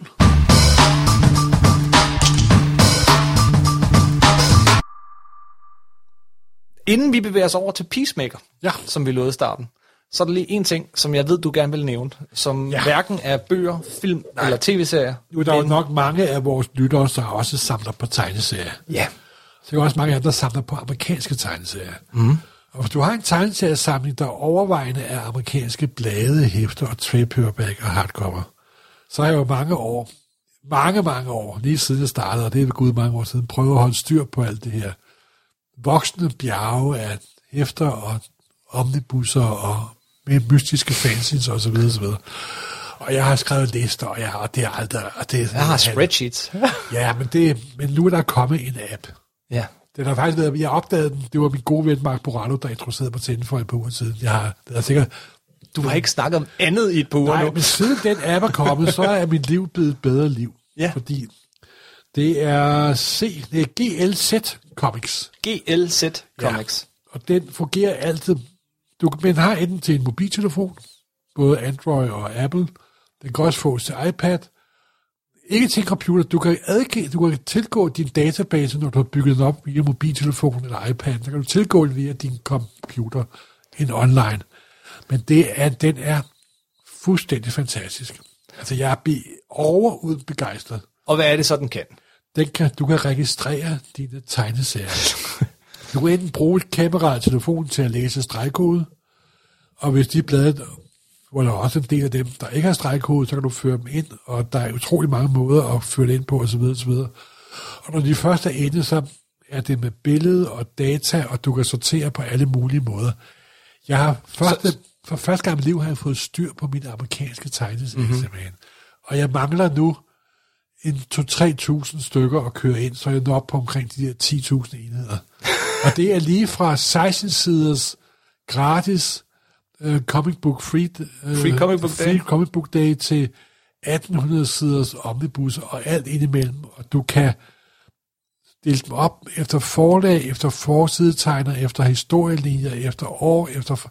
Det er fuldstændig fantastisk, simpelthen. Så, så, så øh, du, du scanner dem ind, og så kan du... Øh, Nej, jeg skal dem ikke ind. De er, ligger i databasen. Okay, og hvis du så scanner en ind, der ikke er i databasen, et dansk album måske, Nej, ja, det, der skal så- man opbygge mere, men altså, jeg har jo en del gamle ting, og jeg har stødt på enkelte ting, der ikke er der, men det er meget obskure ting. ja. Men er det så sådan, at når du opretter den, så er den systemet, så andre ja. kan bruge den? Ja, ja, men altså, det er jo for Så eksempel... der er også sådan et, et fælles noget i, så, så Jeg går, det går jeg ud fra, der er lidt sådan Wikipedia-agtigt, men man bygger en, en fælles database. Det er jeg ikke helt sikker på, hvordan det er. Men for eksempel havde jeg en handicap, ALCAP, eller altcap, ikke handicap, det er ja. en, en øldrikkende englænder. men Altcap har jo lavet meget berømt. Der havde jeg en 1947 pocketbog-udgave. ja. The Smooth Story, og den var ved Gud inde i da- da- databasen simpelthen. Obskur, mærkelige fanzines fra 1971 er også i databasen. Kan man... og, Kan, og, og, og selv, men så havde jeg nogle meget obskure ting, men der kan du selv lave, bruge telefonen til at oprette og putte ind i din egen da- database, og selv oprette det, osv. osv., osv. Men 99,9 procent af, hvad du har stående på hylderne af amerikanske ting, det, det ligger derinde. Men altså, du- har, du, har, du har ikke snakket om andet end her. Ja, På, på to uger har du scannet øh, 8.000, eller, eller registreret 8.000 tegneserier eller deromkring. Jeg er oppe på nu øh, 7.256, og den eneste grund til, at jeg har fået alt skal ind, det er, fordi jeg har faldet og brækket skulderen. Simpelthen. Yes. simpelthen. Til en pine. Jamen, det er vildt irriteret mig. Jamen, og det går, for dem har jeg lige kasser med, med tegneserier, der er bagget, hvor jeg kan tage ned, fordi det har min, kan min arme ikke klare. De står højt op på nogle hylder. Åh, nej. Men når en gang er blevet rest, så skal alt ind, og det er fuldstændig fantastisk. Og det er med forsider, og du kan søge på det, og det er ganske fantastisk. Så jeg kan søge på en rentegner for eksempel? Eller? Du kan søge på forside, på redaktører, på forlag, på historielinjer osv. osv. Det koster i abonnement 11 kroner om måneden. 11 kroner om måneden. Det er de bedste penge, jeg nogensinde har givet ud i hele mit liv. Der er tre opfindelser i menneskets historie. Der er julet, der er ild, der er ildet, og julen, og så er den her app. Så simpelthen. Okay. Den har forandret mit liv. Ja. CL, CLZ Comics, og der findes også en tilsvarende til, bø, til bøger og til film. Men det er, og det er understreget, det er kun, hvis du samler primært amerikanske ting. Mm-hmm. Til europæiske ting, nej. Nej. Men øh, kommer det ind i dem, eller hvad? Har du, hvad sker der? Har du prøvet at scanne et? Nej, men jeg har tænkt mig at oprette sig, og jeg har kun en 300 danske album, så det kan nok overkomme at skal indsætte. Mm-hmm. Og i de enkelte tilfælde, hvor jeg for eksempel har nogle øh, halvfans, halvamatøragtige tegneserier med George. R. Martin for 68-69, der har jeg også sendt scannet med, og det fungerer, det går virkelig hurtigt. Det går hurtigt. Men indbygget, fordi din mobiltelefon er jo den perfekte enhed til at registrere tegneserier med. Yes, yes. Det kan stregkode læse, det kan tage billeder og så videre, så videre. Det er ganske Kan, kan, man, øh, kan man lave noter til selv? Til det, det, ja, det kan man også. Du kan oprette, og jeg, jeg har garanteret ikke opdaget halvdelen af de funktioner, der er. Jamen for eksempel, jeg har jo øh, mange af mine tegneserier i, i, i kasser, Ja. øh, lagt sådan lidt væk. Kan jeg så gå ind og skrive kasse 7, Øh, det går jeg stærkt ud, udefra. sådan så jeg kan finde dem igen? okay. Og Okay. du kan også angive, angive pris og alt muligt andet, hvis du er interesseret i det, simpelthen. Ja. Og så videre, så Nå, er det også i, sådan så man kan se, hvad den værd? Øh, nej, det er, det er, de holder op med, og det er jeg faktisk ret glad for, for det er noget, jeg hader, så det er nye. tager på tegneserier, fordi så tjener du flere penge. Det synes jeg er noget crap. Ja, jeg har det på Men, samme men måde. det er noget helt, men jeg synes, det er en fantastisk app til at registrere amerikanske serier med. Okay. Jeg er meget glad for den, det må jeg sige. Vi har snakket i en time og et kvarter, Morten. Åh, Gud. Næsten i hvert fald. Nu tror jeg, tiden er inde til at snakke om Peacemaker. den bedste tv-serie fra DC nogensinde. Hvis man er til James øh, Gunns form for humor, og hvis du synes, den nummer to Suicide Squad var en fantastisk film, så synes du, den her tv-serie er endnu bedre. Hvis du ikke kunne lide nummer to Suicide Squad, så lad være med at se den her tv-serie. Sandt. Men, Simpelthen. men den er herlig. Men den er fuldstændig fan- fantastisk. Have you ever heard of a guy named Peacemaker? No. He is a trained killer. We've got trouble with that maniac. Før vi snakker om tv-serien, med nærmest ingen spoilers. Vi prøver at holde det spoilerfrit. Ah, sådan, øh, som rent spoil, ja. Kun i grove træk. Så lad os lige snakke kort om Peacemaker-figuren. Fordi det er faktisk en forholdsvis gammel figur. Ah, den er fra 60'erne. Ja, øh, fra Fighting Five, ja, men nummer det- 40, 1966. Der er masser af små sekundære forlag, der ikke hed Marvel eller DC. Mm-hmm. De så jo, hvordan superhelte det gik godt. Der kom Thunder Agents, og der kom alle mulige mærkelige ting i 60'erne. Det gamle forlag, der hed Charlton, de sagde, vi må også finde på nogle nye helte. Så de fandt pludselig på en masse nye helte der midt i 65-66 af sådan second-rate skabere, der lavede third-rate figurer. Det er Joe Jill og Pat Boyette. Ja, Joe Gill var jo øh, øh, øh, inker på mange af de gamle Jean, øh, Green Lantern og Batman ting mm-hmm, og så videre. Mm-hmm.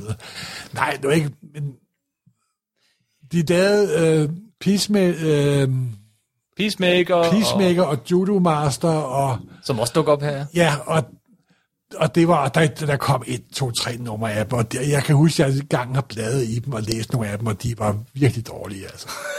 altså, der var Marvel og DC, og så var der Resten. Og så, nej, der var også Thunder Agents og Sour Comics. Ja. Og så var der resten. Okay. og det var... Og de blev overtaget af DC, da Charlton gik ned med hjem. Ja, øh, og der skal vi helt op i 80'erne. Fordi Der, der, skal vi til D- Infinite Crisis, jo. Ja, fordi der køber DC en masse af de her helte, og så får vi vil sige, en, en noget anderledes øh, Peacemaker. Uh, Jamen, så, så sker der jo det, at en kendt engelsk forfatter, de lige har hyret til at skrive Swamp Thing, skriver den her, der hedder Twilight of the Superheroes. Det er jo Alan Moore. ja, Og så siger han, jamen, kan jeg ikke lave det med de her Charlton-helte, som i liv ikke skal bruges noget? Jo, det er udmærket. Bygge en historie op omkring Charlton-heltene. Og det gør, gør han så. Og så går der et stykke tid med det, og så siger de, ah, ja, vi vil alligevel godt inkorporere dem i DC-universet. Nu har vi jo betalt penge for dem og så videre. Kan du ikke lave Charlton-helten lidt om? Jo, sagde han, og så fik vi selvfølgelig Watchmen. yes. Og, Og Peacemaker er jo lige med The Comedian. fuldstændig. Fuldstændig. Ja, ikke fuldstændig. Han er, der, der skete jo det lykkelige, da han så fik lov til at lave sine egne versioner af Charlton-heltene. Blev de jo også mere Alan moore og vi fik det der fantastiske mesterværk, der hedder Watchmen, som vi har snakket om til, øh, til køerne kommer hjem til Ikke? Jo, men, og det kan man sige, det er sådan øh, måske øh, det, det første, øh, den første nye Peacemaker, i hvert fald en variant af figuren, men øh, han får også en egen miniserie hos øh, DC, Ja. der, fordi ja, de vil gerne selv bruge de her figurer, de lige har betalt dyrt for, og øh, de kunne nok godt se, at Men det, det- Alan Moore gjorde ved dem, det ødelagde dem måske lidt. Altså, men altså nej, det, meningen var, at hvis Alan Moore fik den, så var de tabt for evigt simpelthen. Ikke? Yes. Tegneserien, som kommer der i midt-80'erne, det er, øh, det er Christopher Smith som Peacemaker, ganske ligesom i tv-serien, som er en øh, diplomat, som, ja, det er så plat som det lyder, vil øh, sørge for at for fred, kæmpe for fred, koste hvad det vil, og hvem det vil. Ja, Det er, det er sådan lidt... det er lille, der er jo en vis selvmodsigelighed indbygget i det, må man sige. Ja. Og han, øh, han, han er jo også lidt gal. Uh, noget af det, der fylder meget der i, i slut-80'erne, i, i de få, og det er forholdsvis få historier, der er om ham, det er, at han er... Øh, han, han er... Ja, han ser sin far for sig, og han, han dybt- hører hans fars... Han hører sin fars stemme viske ham i øret, og hele tiden konstant kritiserer alt, hvad han gør. Han har en dårlig far. Hans far var faktisk, øh, hvad hedder det, kommandant i sådan en øh, nazisters, nazistisk øh, udrydningslejr. En KZ-kommandør. KZ-lejr. Det lyder som en rimelig dårlig far, vil jeg Ja, sige. er ikke det bedste forbillede, vel? Og, øh, og, og, og det, øh, det er jo ikke, det er ikke noget, der har fyldt her øh, i, i tv-serien. Ja, det Men- er alligevel sublimeret fra... TV-serien har jo også en stærkt højorienteret, stærkt modbydelig, en virkelig modbydelig far. Men der har de taget en anden figur, en anden DC-figur. Der har de taget uh, White, den? White Tiger, White, uh, White Dragon, ikke? Jo, som er, også i tegneserien er sådan en... En, skurk. En, en, rigtig skurk. Og gjorde ham til en super redneck, højorienteret skurk her. Ja. Og han, hold kæft, det er godt, det er Patrick. Ja. øh, og øh, ja, så øh, begynder han at se spøgelser af dem, han slår ihjel. Og, Det er altså tegneseriefiguren, vi snakker ja, om. Ja, og han, i tegneserierne, så bliver han ved med sådan at dukke op. Han dukker op i, øh, der, der var en serie, der kørte sådan på tværs af en masse DC-serier helt op i 2000'erne, der hed Checkmate. Og øh, han Peacemaker har jo et problem som tegneseriefigur, ikke? Yes. Han ser jo totalt tåbelig ud for helvede. Yes. og det har han gjort siden start. Ja. Den der hjelm. Ja. ja, og de der bukser og det tøj der, det... Nej, nej. Ja. Og, øh, og det er sådan det. Han dukker også op i øh, Day of Judgment, der hvor, øh, hvor Hal Jordan vender tilbage. Men han er ikke en figur, der fylder alverdens Nej. i tegneserierne. Og, og øh, han- da han var med i, øh, hvad hedder det, The Suicide Squad, Jamen, så tror jeg, at det er simpelthen, det, det er på grund af John Cena, det er skuespilleren, det er instruktøren, der, der ser noget af den her figur, og, og får ham løftet op. Den gode James Gunn er jo ekspert i at tage tredje rangs figurer og lave virkelig sjove ting med. Ikke? også? Yes. Og det er også fordi, han kan også få lov til at gøre de ting med dem, som han gør, fordi det er tredje rangs figurer. ikke? Yes. Han får ikke det- lov til at gøre det med The Big Tree, vel, eller alt muligt andet. Nej. Her kan... Åh, oh, gud, har, har vi det? Der er jo det sjove med DC's backkatalog af figurer, ikke? Godt nok har Marvel mange figurer, men DC har en uendelig mængde af mystiske figurer, aldrig nogensinde nogen har hørt om. simpelthen, Yes. De har da købt flere forlag undervejs. Yes, og prøvet at mingelere suget dem ind i universet. Gamle Frosted Comics og øh, Police Comics og også Charlton Comics. De er som suget alt til sig, og ja... Det er noget, Nej. det jeg elsker ved DC-universet. Ja, det er jo det, der er så når, sjovt. Når de der øh, små figurer dukker op og, og, og, og, og får lidt plads, både tegneserier på film. Ja. Men James Gunn, han svælger i det, og han elsker det, og i, i, i tv-serien, så refererer han jo på livet løs til den ene og den anden. Altså, det startede jo i hans, i hans udgave af Suicide Squad, den Filmen. to film, som jeg jo synes var fuldstændig fa- fantastisk. Og som jeg også lige har sagt, hvis du kan lide filmen, så kan du lide tv-serien. Hvis du ikke kan lide filmen, lad være med at se tv-serien. For det er bare mere af det samme. Jamen, tv-serien, den begynder, øh, den, den starter der, hvor The Suicide Squad, den slutter. After credit sequence, vi ser, og han overlevede faktisk. Ja. Og, og det er så der, afsnit 1 begynder. Og så fortsætter den på samme fjollede, mærkelige måde simpelthen. Ja. Og det fede ved den her tv-serie, som vi godt kan lide ved den, er, at den er meget ujævn, men på en god måde.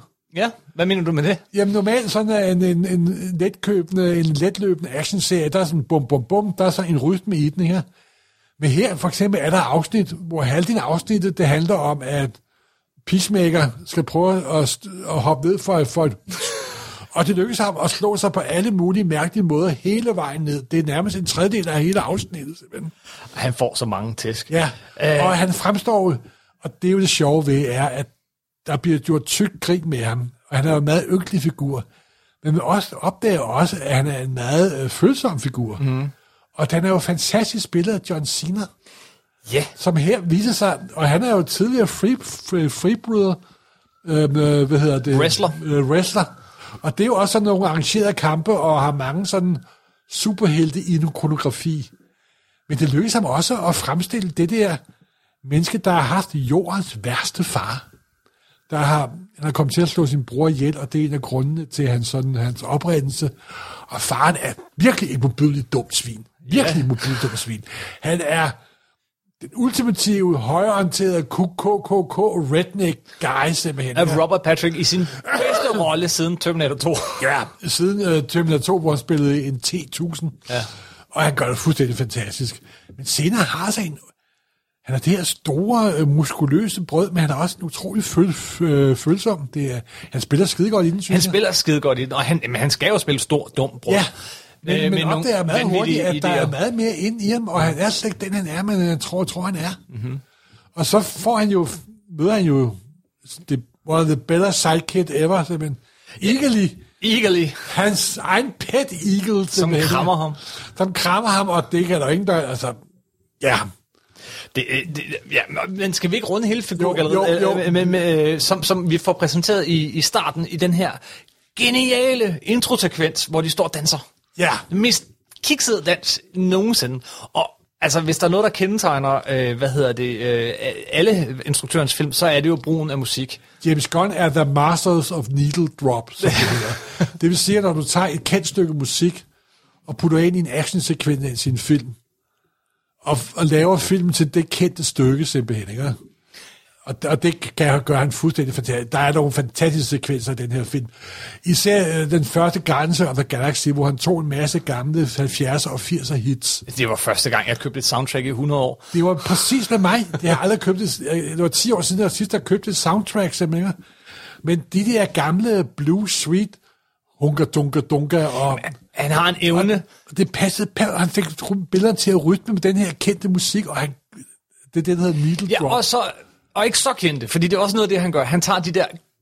Ikke, du, du, du har måske hørt dem, One Ja. Hit Wonders og alt sådan noget. Du, du kender musikken, du kender ikke navnet på bandet Nej, nej, nej, nej. eller kunstneren. Og det, det gjorde han i, i uh, Guardians of the Galaxy, og det gør han endnu mere. Her, her er det mere glam rock og øh, skandinavisk dødsmetal, Ja. som, som de spiller, men øh, det gør han altså virkelig godt. Og det går hele vejen igennem, og jeg, jeg synes bare, det slår tonen så godt an med den der intro-dans, der er i hvert Ja. afsnit. Simpelthen. Det er så godt. Og derfor har vi præsenteret karaktererne. Og ud over John Cena, som vi kunne snakke herfra til i morgen om, hvor fantastisk han er i den rolle. Altså, han er jo...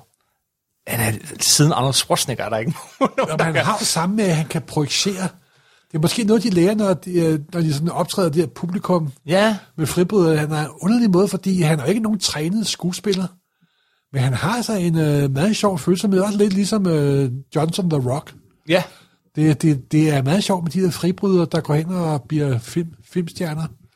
Den anden, sådan, øh, der er flere, øh, det, er, jo- det er sådan en lille, det er sådan en lille hold øh, film, men, øh, men øh, den næst vigtigste figur er nok øh, Daniel Brooks øh, karakter, øh, Leota, som er datter af Amanda Waller, Ja. som er, har det til, altså, hun har det til fælles med Peacemaker, at de har verdens værste forældre. Hvis han har verdens værste far, så har hun verdens værste mor. Kæft, hvor er hun fed i den anden Suicide Squad Hun film. er fuldstændig 100 Iskold.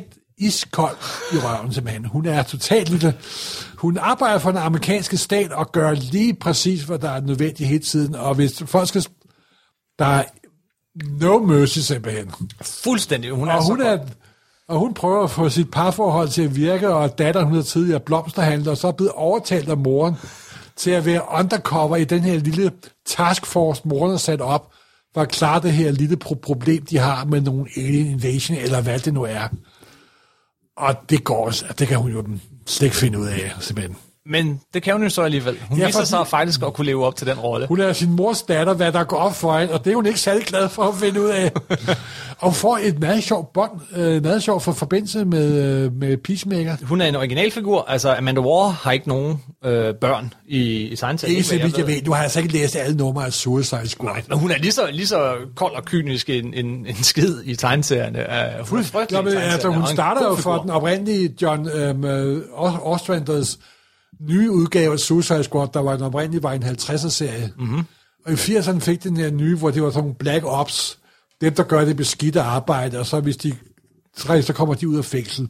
En masse småforbrydere, der siger, hvis du laver det her, så, for, så bliver, bliver du sat fri. Og det er the scum of the earth, simpelthen. Det er the dirty dozen, simpelthen. I superhelte-style, simpelthen. Yes. Så er der uh, Vigilante, øh, eller Adrian Chase, spillet af Freddie Stromer, som jeg har hørt komme med på et afbud i sidste øjeblik. Og han er jo fantastisk, og en, en lidt mere kendt tegneseriefigur, vil jeg påstå. Men det her har intet at gøre med tegneseriefiguren. En, der gør med tegneserie. Altså, I 80'erne kom der jo en masse øh, selvtekstfigurer, vigilante-figurer. Ja, Der er jo Punisher over hos Marvel, og han er sådan set lidt... Svaret på Punisher. De, sidste udgave af Punisher. Men Var det ikke Marvel, oprindeligt. Men, nej, oprindeligt var han en gammel Golden Age-figur, hvor han sådan var en kopperhelt med lasso og det hele. ja, ja. Greg Saunders hed han. Ja. Adrian Chase er vist nok hans Og øh, bror, og han, han dukker op i uh, nemlig i uh, New Teen Titans Annual nummer 2 af Ja. Marv Wolfman Ja. og George Perez. Simpelthen. Øhm, Og det er sådan en testsiddende kostyme, og, kan, og skyder alt, hvad der be, be, bevæger sig. Ja. Men den figur af tv-serien har intet med figuren at gøre i DC. Nej, han, han er sådan en anti-helt Punisher-kopi, men tegneserien voksede sig faktisk ret interessant. Og Men nok, det, det, det kom også på dansk, gjorde der var nogle, øh, var det seriemagasinet, eller jeg tror det var seriemagasinet, Der der, var et par forsider, hvor han, Ja, han er ja. der, og øh, altså, det er da heller ikke den værste dragt øh, fra, fra den tid. Han har en forholdsvis lang historie, men det man husker ham for, er nok den måde, serien slutter på. Den, den, Men begår han selvmord, eller? Ja, nemlig. Der var der noget der, ja. Jo, jo, jo. Det, den kørte et stykke tid, og den var forholdsvis populær, men, men han ender med på et tidspunkt i den der serie at, at slå en politimand ihjel. Ah. Og så var det, at øh, ja, både forfatter og, og redaktør var sådan, det, det kan vi ikke bare lade ham slippe afsted med. Og så ender den faktisk med, at han begår selvmord. Det er en ret berømt scene. Så, øh, Det, det er sgu da, jeg sgu da helt glemt, simpelthen. Jo. Altså, jeg tror kun, jeg læste det på nummer dengang. Jeg var ikke særlig begejstret for serien. Nej, den kørte forholdsvis lang tid og var forholdsvis populær, men, Ja. men det er det, den huskes for. Det er den måde, den sluttede på. Ja. Og den tragiske figur, genkender jeg ikke helt her. Nej, det er... Han er jo fuldstændig 100% benegal. Mm-hmm. Men samtidig er han også super lojal over for Peacemaker. Ja. Han er sådan det naive sidekick. Som ikke forstår sarkasme, som ikke forstår øh, andre mennesker overhovedet, og bare godt kan lide at slå Han ihjel. minder faktisk lidt om uh, Drax the Destroyer for uh, Guardians of the Galaxy. Ah, ikke, ikke blankt men på lidt, den måde. Nej, men det er den der med super naiv og ikke rigtig forstår, hvordan verden hænger sammen. Ikke? Ja, og helt vildt farlig. Simpelthen er super effektiv, simpelthen. Yes. Især hvor der er en scene, hvor han går ind i fængslet og går hen til de værste højorienterede skums, øh, white trash, og fornærmer den på en af de bedre fornærmelsesrunder, jeg har set længe. Yes, yes, yes. Ja, og, øh, ja, og der, er også, der er også en scene, hvor at, øh, igen uden at spoil for meget, hvor, hvor at Peacemaker, han skal slå nogen ihjel, og det kan han ikke rigtigt. Og så kommer Vigilante. Hup, zup, zup, hup, zup, zup. Og der er jo... Det er jo det fede ved den her, til forskel fra uh, Guardians of the Galaxy, det er, at der er, der, der er ikke nogen bånd på ham. Det er ikke noget med, at den skal være PG-13. Der er masser af vold og blod. de har sagt til James Gunn, Gør, hvad du vil. Du har bare gøre, har lyst til at gøre. Og han er også, hvad der er meget usædvanligt for den tv-serie, for han laver jo også film, den gode mand. Han må jo ikke sove særlig meget. Han har jo skrevet og instrueret samtlige afsnit til Yes. ham. Yes. Simpelthen. Det var øh, efter, efter Suicide Squad, så var der jo hele coronanedlukning, og der, der, der, der skrev han så manuskriptet til alle Han, han otte. sad ikke bare så Netflix og Nej, spiste nej, pizza. det gjorde han nemlig ikke. Han skrev, han skrev til alle otte og sagde, at han regnede ikke med, at det ville nogensinde blive til noget, så han var lidt i chok, da, da, da han fik ja. Og Så så og måtte derfor han, er den der underlige... Vi gør sgu, hvad jeg har lyst til. Ja, ja, fordi den er bare skrevet som, det her det bliver aldrig til noget. Og det er også det sjove med denne her... Mange af de her MCU-serier, der kommer fra Disney+, Plus, som jeg holder enormt meget af, men det spektrum, de er for, er forholdsvis snævert, fordi det er en stor historie, der skal fortælles, og serien skal passe sammen, og den store Feige-plan og så videre, som jeg er stor fan af. Ja. Men det er meget sjovt at se, hvordan at DC's univers på tv og film, det har en langt anden bredde. Det går fra den ene, der er peacemaker-yderligheden i den ene, hvor Som en nye standarder for yderligheder. for yderligheder, og der er body horror, og der er splatter-effekter, og der er ikke nogen holdning på meninger og sprog, og det er ret politisk radikal nemlig også. Ja. Og så er der super standard tv-serie med familie er godt, og- og Superman, der, tager, der flytter tilbage på landet og får sin nye kernefamilie, og hvor jeg synes jo er røvhammerende kedelig simpelthen. Men der er en utrolig bredde i DC's tv-serie. Mhm. Mm-hmm. Langt større bredde, end der er i MCU-tv-serien. Og der kommer de der underlige nærmest mutationer, som Peacemaker er. For da jeg så det i de første par afsnit, tænker hvad det, det, hvad? Og så tænker jeg mig selv, det kan da kun være en sæson, men nu er den skulle blevet forlænget til anden sæson. Yes, simpelthen. yes. Ja, det er, det er, altså, det er utroligt. Det er det altså. Ja, men jeg tog mig også til hovedet nogle gange og tænkte, "Hva- hvordan er det her, Hva- hvordan, er det igennem? hvordan er den her sluppet igennem? Ja, lige præcis. Men øh, det er jo også det med streaming, og det kan ligge på HBO, og Men det, det er måske også fordi, at DC er så desperat for... Du gør bare, hvad, hvad, du har lyst til. Og det er jo altså... det er jo den rette strategi, når og man ikke det er jo altså noget. ikke hylde A-heltene. Det er dem nede på, på, på C-hylden. Ikke? Yes, yes, yes, yes. Absolut. Uh, resten af karaktererne, for bare lige at runde dem kort, så har vi Clemson Munn, som spillede af, det kan jeg ikke sige, men uh, Chuck Woody, som, som leder af deres leder af, af det her lille hold. Og Ja, han, han, er også... han er ret god skuespiller, og der er er nogle interessante ting, der sker i løbet af serien med ham. det, det, det, så har man ikke sagt for meget. Så øh, jeg kendte hende ikke, men Jennifer Holland som Emilia Harcourt, som ja. er sådan en... Hun er hardcore. Hun er hardcore, øh, men hun er, hun er virkelig god også, og Den er- spiller den er rigtig godt op imod den er- Peacemaker. Den er virkelig godt castet hele Den tiden. er rigtig godt castet. Altså, James Gunn har jo virkelig sans for at kaste ordentligt simpelthen. Mhm. Mm-hmm. Han er jo en instruktør, der faktisk arbejder med figurer. Og lige med, hvor sindssyge og vanvittige hans figurer er, så er de også bundet i en menneskelighed. Det er så fedt ved hans figurer. Ikke? Og, og noget af det fede ved, hendes, øh, ved udviklingen af hendes figur er jo så også det der, at hun, hun hader jo alt ved Peacemaker. Ja, det tror jeg pokker. Men Han er det ultimative male chauvinist pik, Ja, simpelthen, ja. som det hed tilbage i, øh, i 70'erne. Ja, men, men alligevel, så begynder Ja. hun stille og roligt og, og Jo, varme fordi op. at han har John Cena og Peacemaker-figurer har den der vidunderlige naivitet. Sådan barnlig... Øh, Og så sårbarhed, kærlig. samtidig med, at han myrder alt, hvad han kommer nærheden af. Ja, ja, men det kan hun jo, det kan hun jo så respektere. Ja. Hvis man er dygtig til at slå ihjel, det kan hun respektere. I tegneserierne har Emilia Harcourt en øh, noget anderledes og ret kort historie. Ja, jeg har aldrig hørt om hende i tegneserien, det må jeg, må jeg jo indrømme. Jamen, så skal du også have læst uh, The Suicide Squad fra 2016. Ah, Uh, det er volume, hvor at, uh, Jim Lee var hovedtegner. Han tegnede så mindre og mindre og mindre af serien. hvad han altid plejer at gøre. Yes. Undskyld, Jim Lee. Men det kom selvfølgelig i kølvandet på den første Suicide Squad-film. Og, Ja. og det er der, Emilia Harcourt dukker op for første gang, ah. hvor at hun øh, faktisk leder teamet og sætter dem ind mod øh, nogle russere, som også har en slags Suicide Squad, i uh, The Suicide Squad nummer 2 fra 2016. Okay. Og øh, en- det var 10 numre senere, øh, så øh, overtager hun mere og mere Amanda Waller. Hun bliver, hun bliver dræbt Nå, i tegneserien. nå, nå. Det viser sig selvfølgelig, at øh, det er planlagt. Selvfølgelig. Hun havde en plan, og det viser sig, at der er nok en hemmelig agent, en dobbeltagent i The Suicide Squad, helt op i ledelsesniveauet. Altså, i betragtning af, det hele er en flok forbrydere helt bundt, så er det ikke så usandsynligt. Og det viser sig så, uh, surprise, surprise, spoiler, at det er Emilie Harcourt. Ah, så hun er en butterfly allerede der, nu for at komme med en hensyn, du kun forstår, når du har set tv-serien. Yes. Og, øh, og, og så, så bliver hun så konfronteret med Amanda Waller, øh, og, øh, og så bliver hun dræbt af Boomerang. Ah, Og det er sådan set historien om Emilie Harcourt i tegneserierne. jamen den er jo kort and sweet. Yes. Så er der øh, Steve, øh, øh, Steve Agee, som øh, gentager rollen fra The Suicide Squad, som Ja, øh, hvor John han er Economos. den store øh, supercomputernørd. Ja, sådan en skal der jo være på sådan en Ja. rolle. Og han har du også en kloværdig scene i et af de senere afsnit Ja, med en gorilla. med en gorilla, ja. ja men han, han, øh, han, han er vildt god. Han fyldte meget mere tv-serien, end jeg egentlig regnede med. Jeg, jeg, jeg tænkte, at det er ham, der sidder deromme i baggrunden og laver computerting. Men Jo, han, som du han sagde, hvis, hvis James Gunn har skrevet den, han har lavet super, han har lavet uh, Suicide Squad færdig, så kom coronaen, og så har han haft alle de her skuespillere i hovedet og masser af tid. Ja, Jeg laver sgu en serie for alle mine venner, simpelthen ikke? Yes. Hvad? Vil I finansiere den? Ja, det er godt. Og så, til, øh, så øh, to, to mere, man kan nævne, eller vi har jo allerede været lidt inde på Robert Pa- øh, Patrick som, som White Dragon. ja, eller, men altså, eller, The White Trash, der er White Dragon, og White Dragon er en gammel øh, DC-skurk. Men jeg render ham ikke så, så højreorienteret.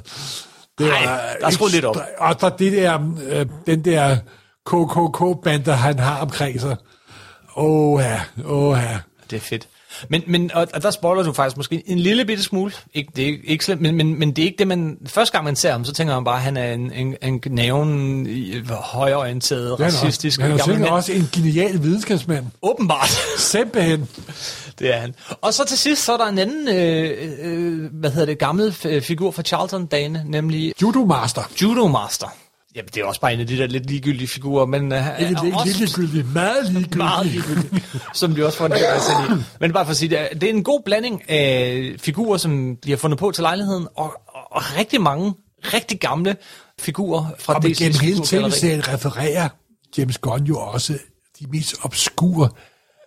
Der bliver en medlem af League of Superheroes, der kan æde sig gennem alt Matter materiale. Eating Lad. Simpelthen. Batmite bliver, bliver refereret, ikke også? Jo. Og der bliver gjort grin med de kendte superhelte, som Batman og Superman og, og Aquaman. Især Aquaman. He fucks fish. Alle er ude efter Aquaman. Ja. Ja. Altså. Altså, hvis man er humør til den, så er det verdens sjoveste tv-serie. Man skal nok være humør til det. Ja, og hvis man ikke... Men altså, som sagt, hvis man synes, at den, nummer to Suicide Squad ikke var nogen særlig god film, Ja. så skal man lade være med at se den. Og den er propfyldt med nogle øh, altså, øh, øh, øjeblikke, hvor man, selvom man sidder alene og ser det, så kommer jeg, kommer man, jeg, jeg kommer til at sidde og grine højt. Altså, der, er, der er sådan et øjeblik, at, uden at spoile, hvor der er en stor gruppe folk, som bliver overtaget af, af noget, og så skal de lære at smile. Og det er og også det er af- så Og det er også en af de bedste, hvor den, der hedder som en sang, der hedder Monster. Yes. Og det I viser igen James Gunns vidunderlige evne til at needle droppe, simpelthen. Ja. For at billede og musik passer perfekt sammen, simpelthen.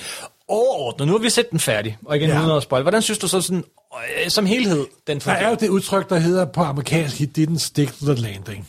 Ja, Og den, den kiksede lidt til allersidst, synes jeg. Okay. Men ikke særlig meget. nej. Og det er måske også, fordi nu er jeg... Jeg har ikke fået sovet så meget, da jeg så den, og så videre, men jeg blev lidt træt, og jeg var kommet til at skrue forventningerne for, for højt op, hvad der også skal passe på med. Ja. Men generelt synes jeg, at de her otte afsnit var meget, meget, meget overraskende simpelthen.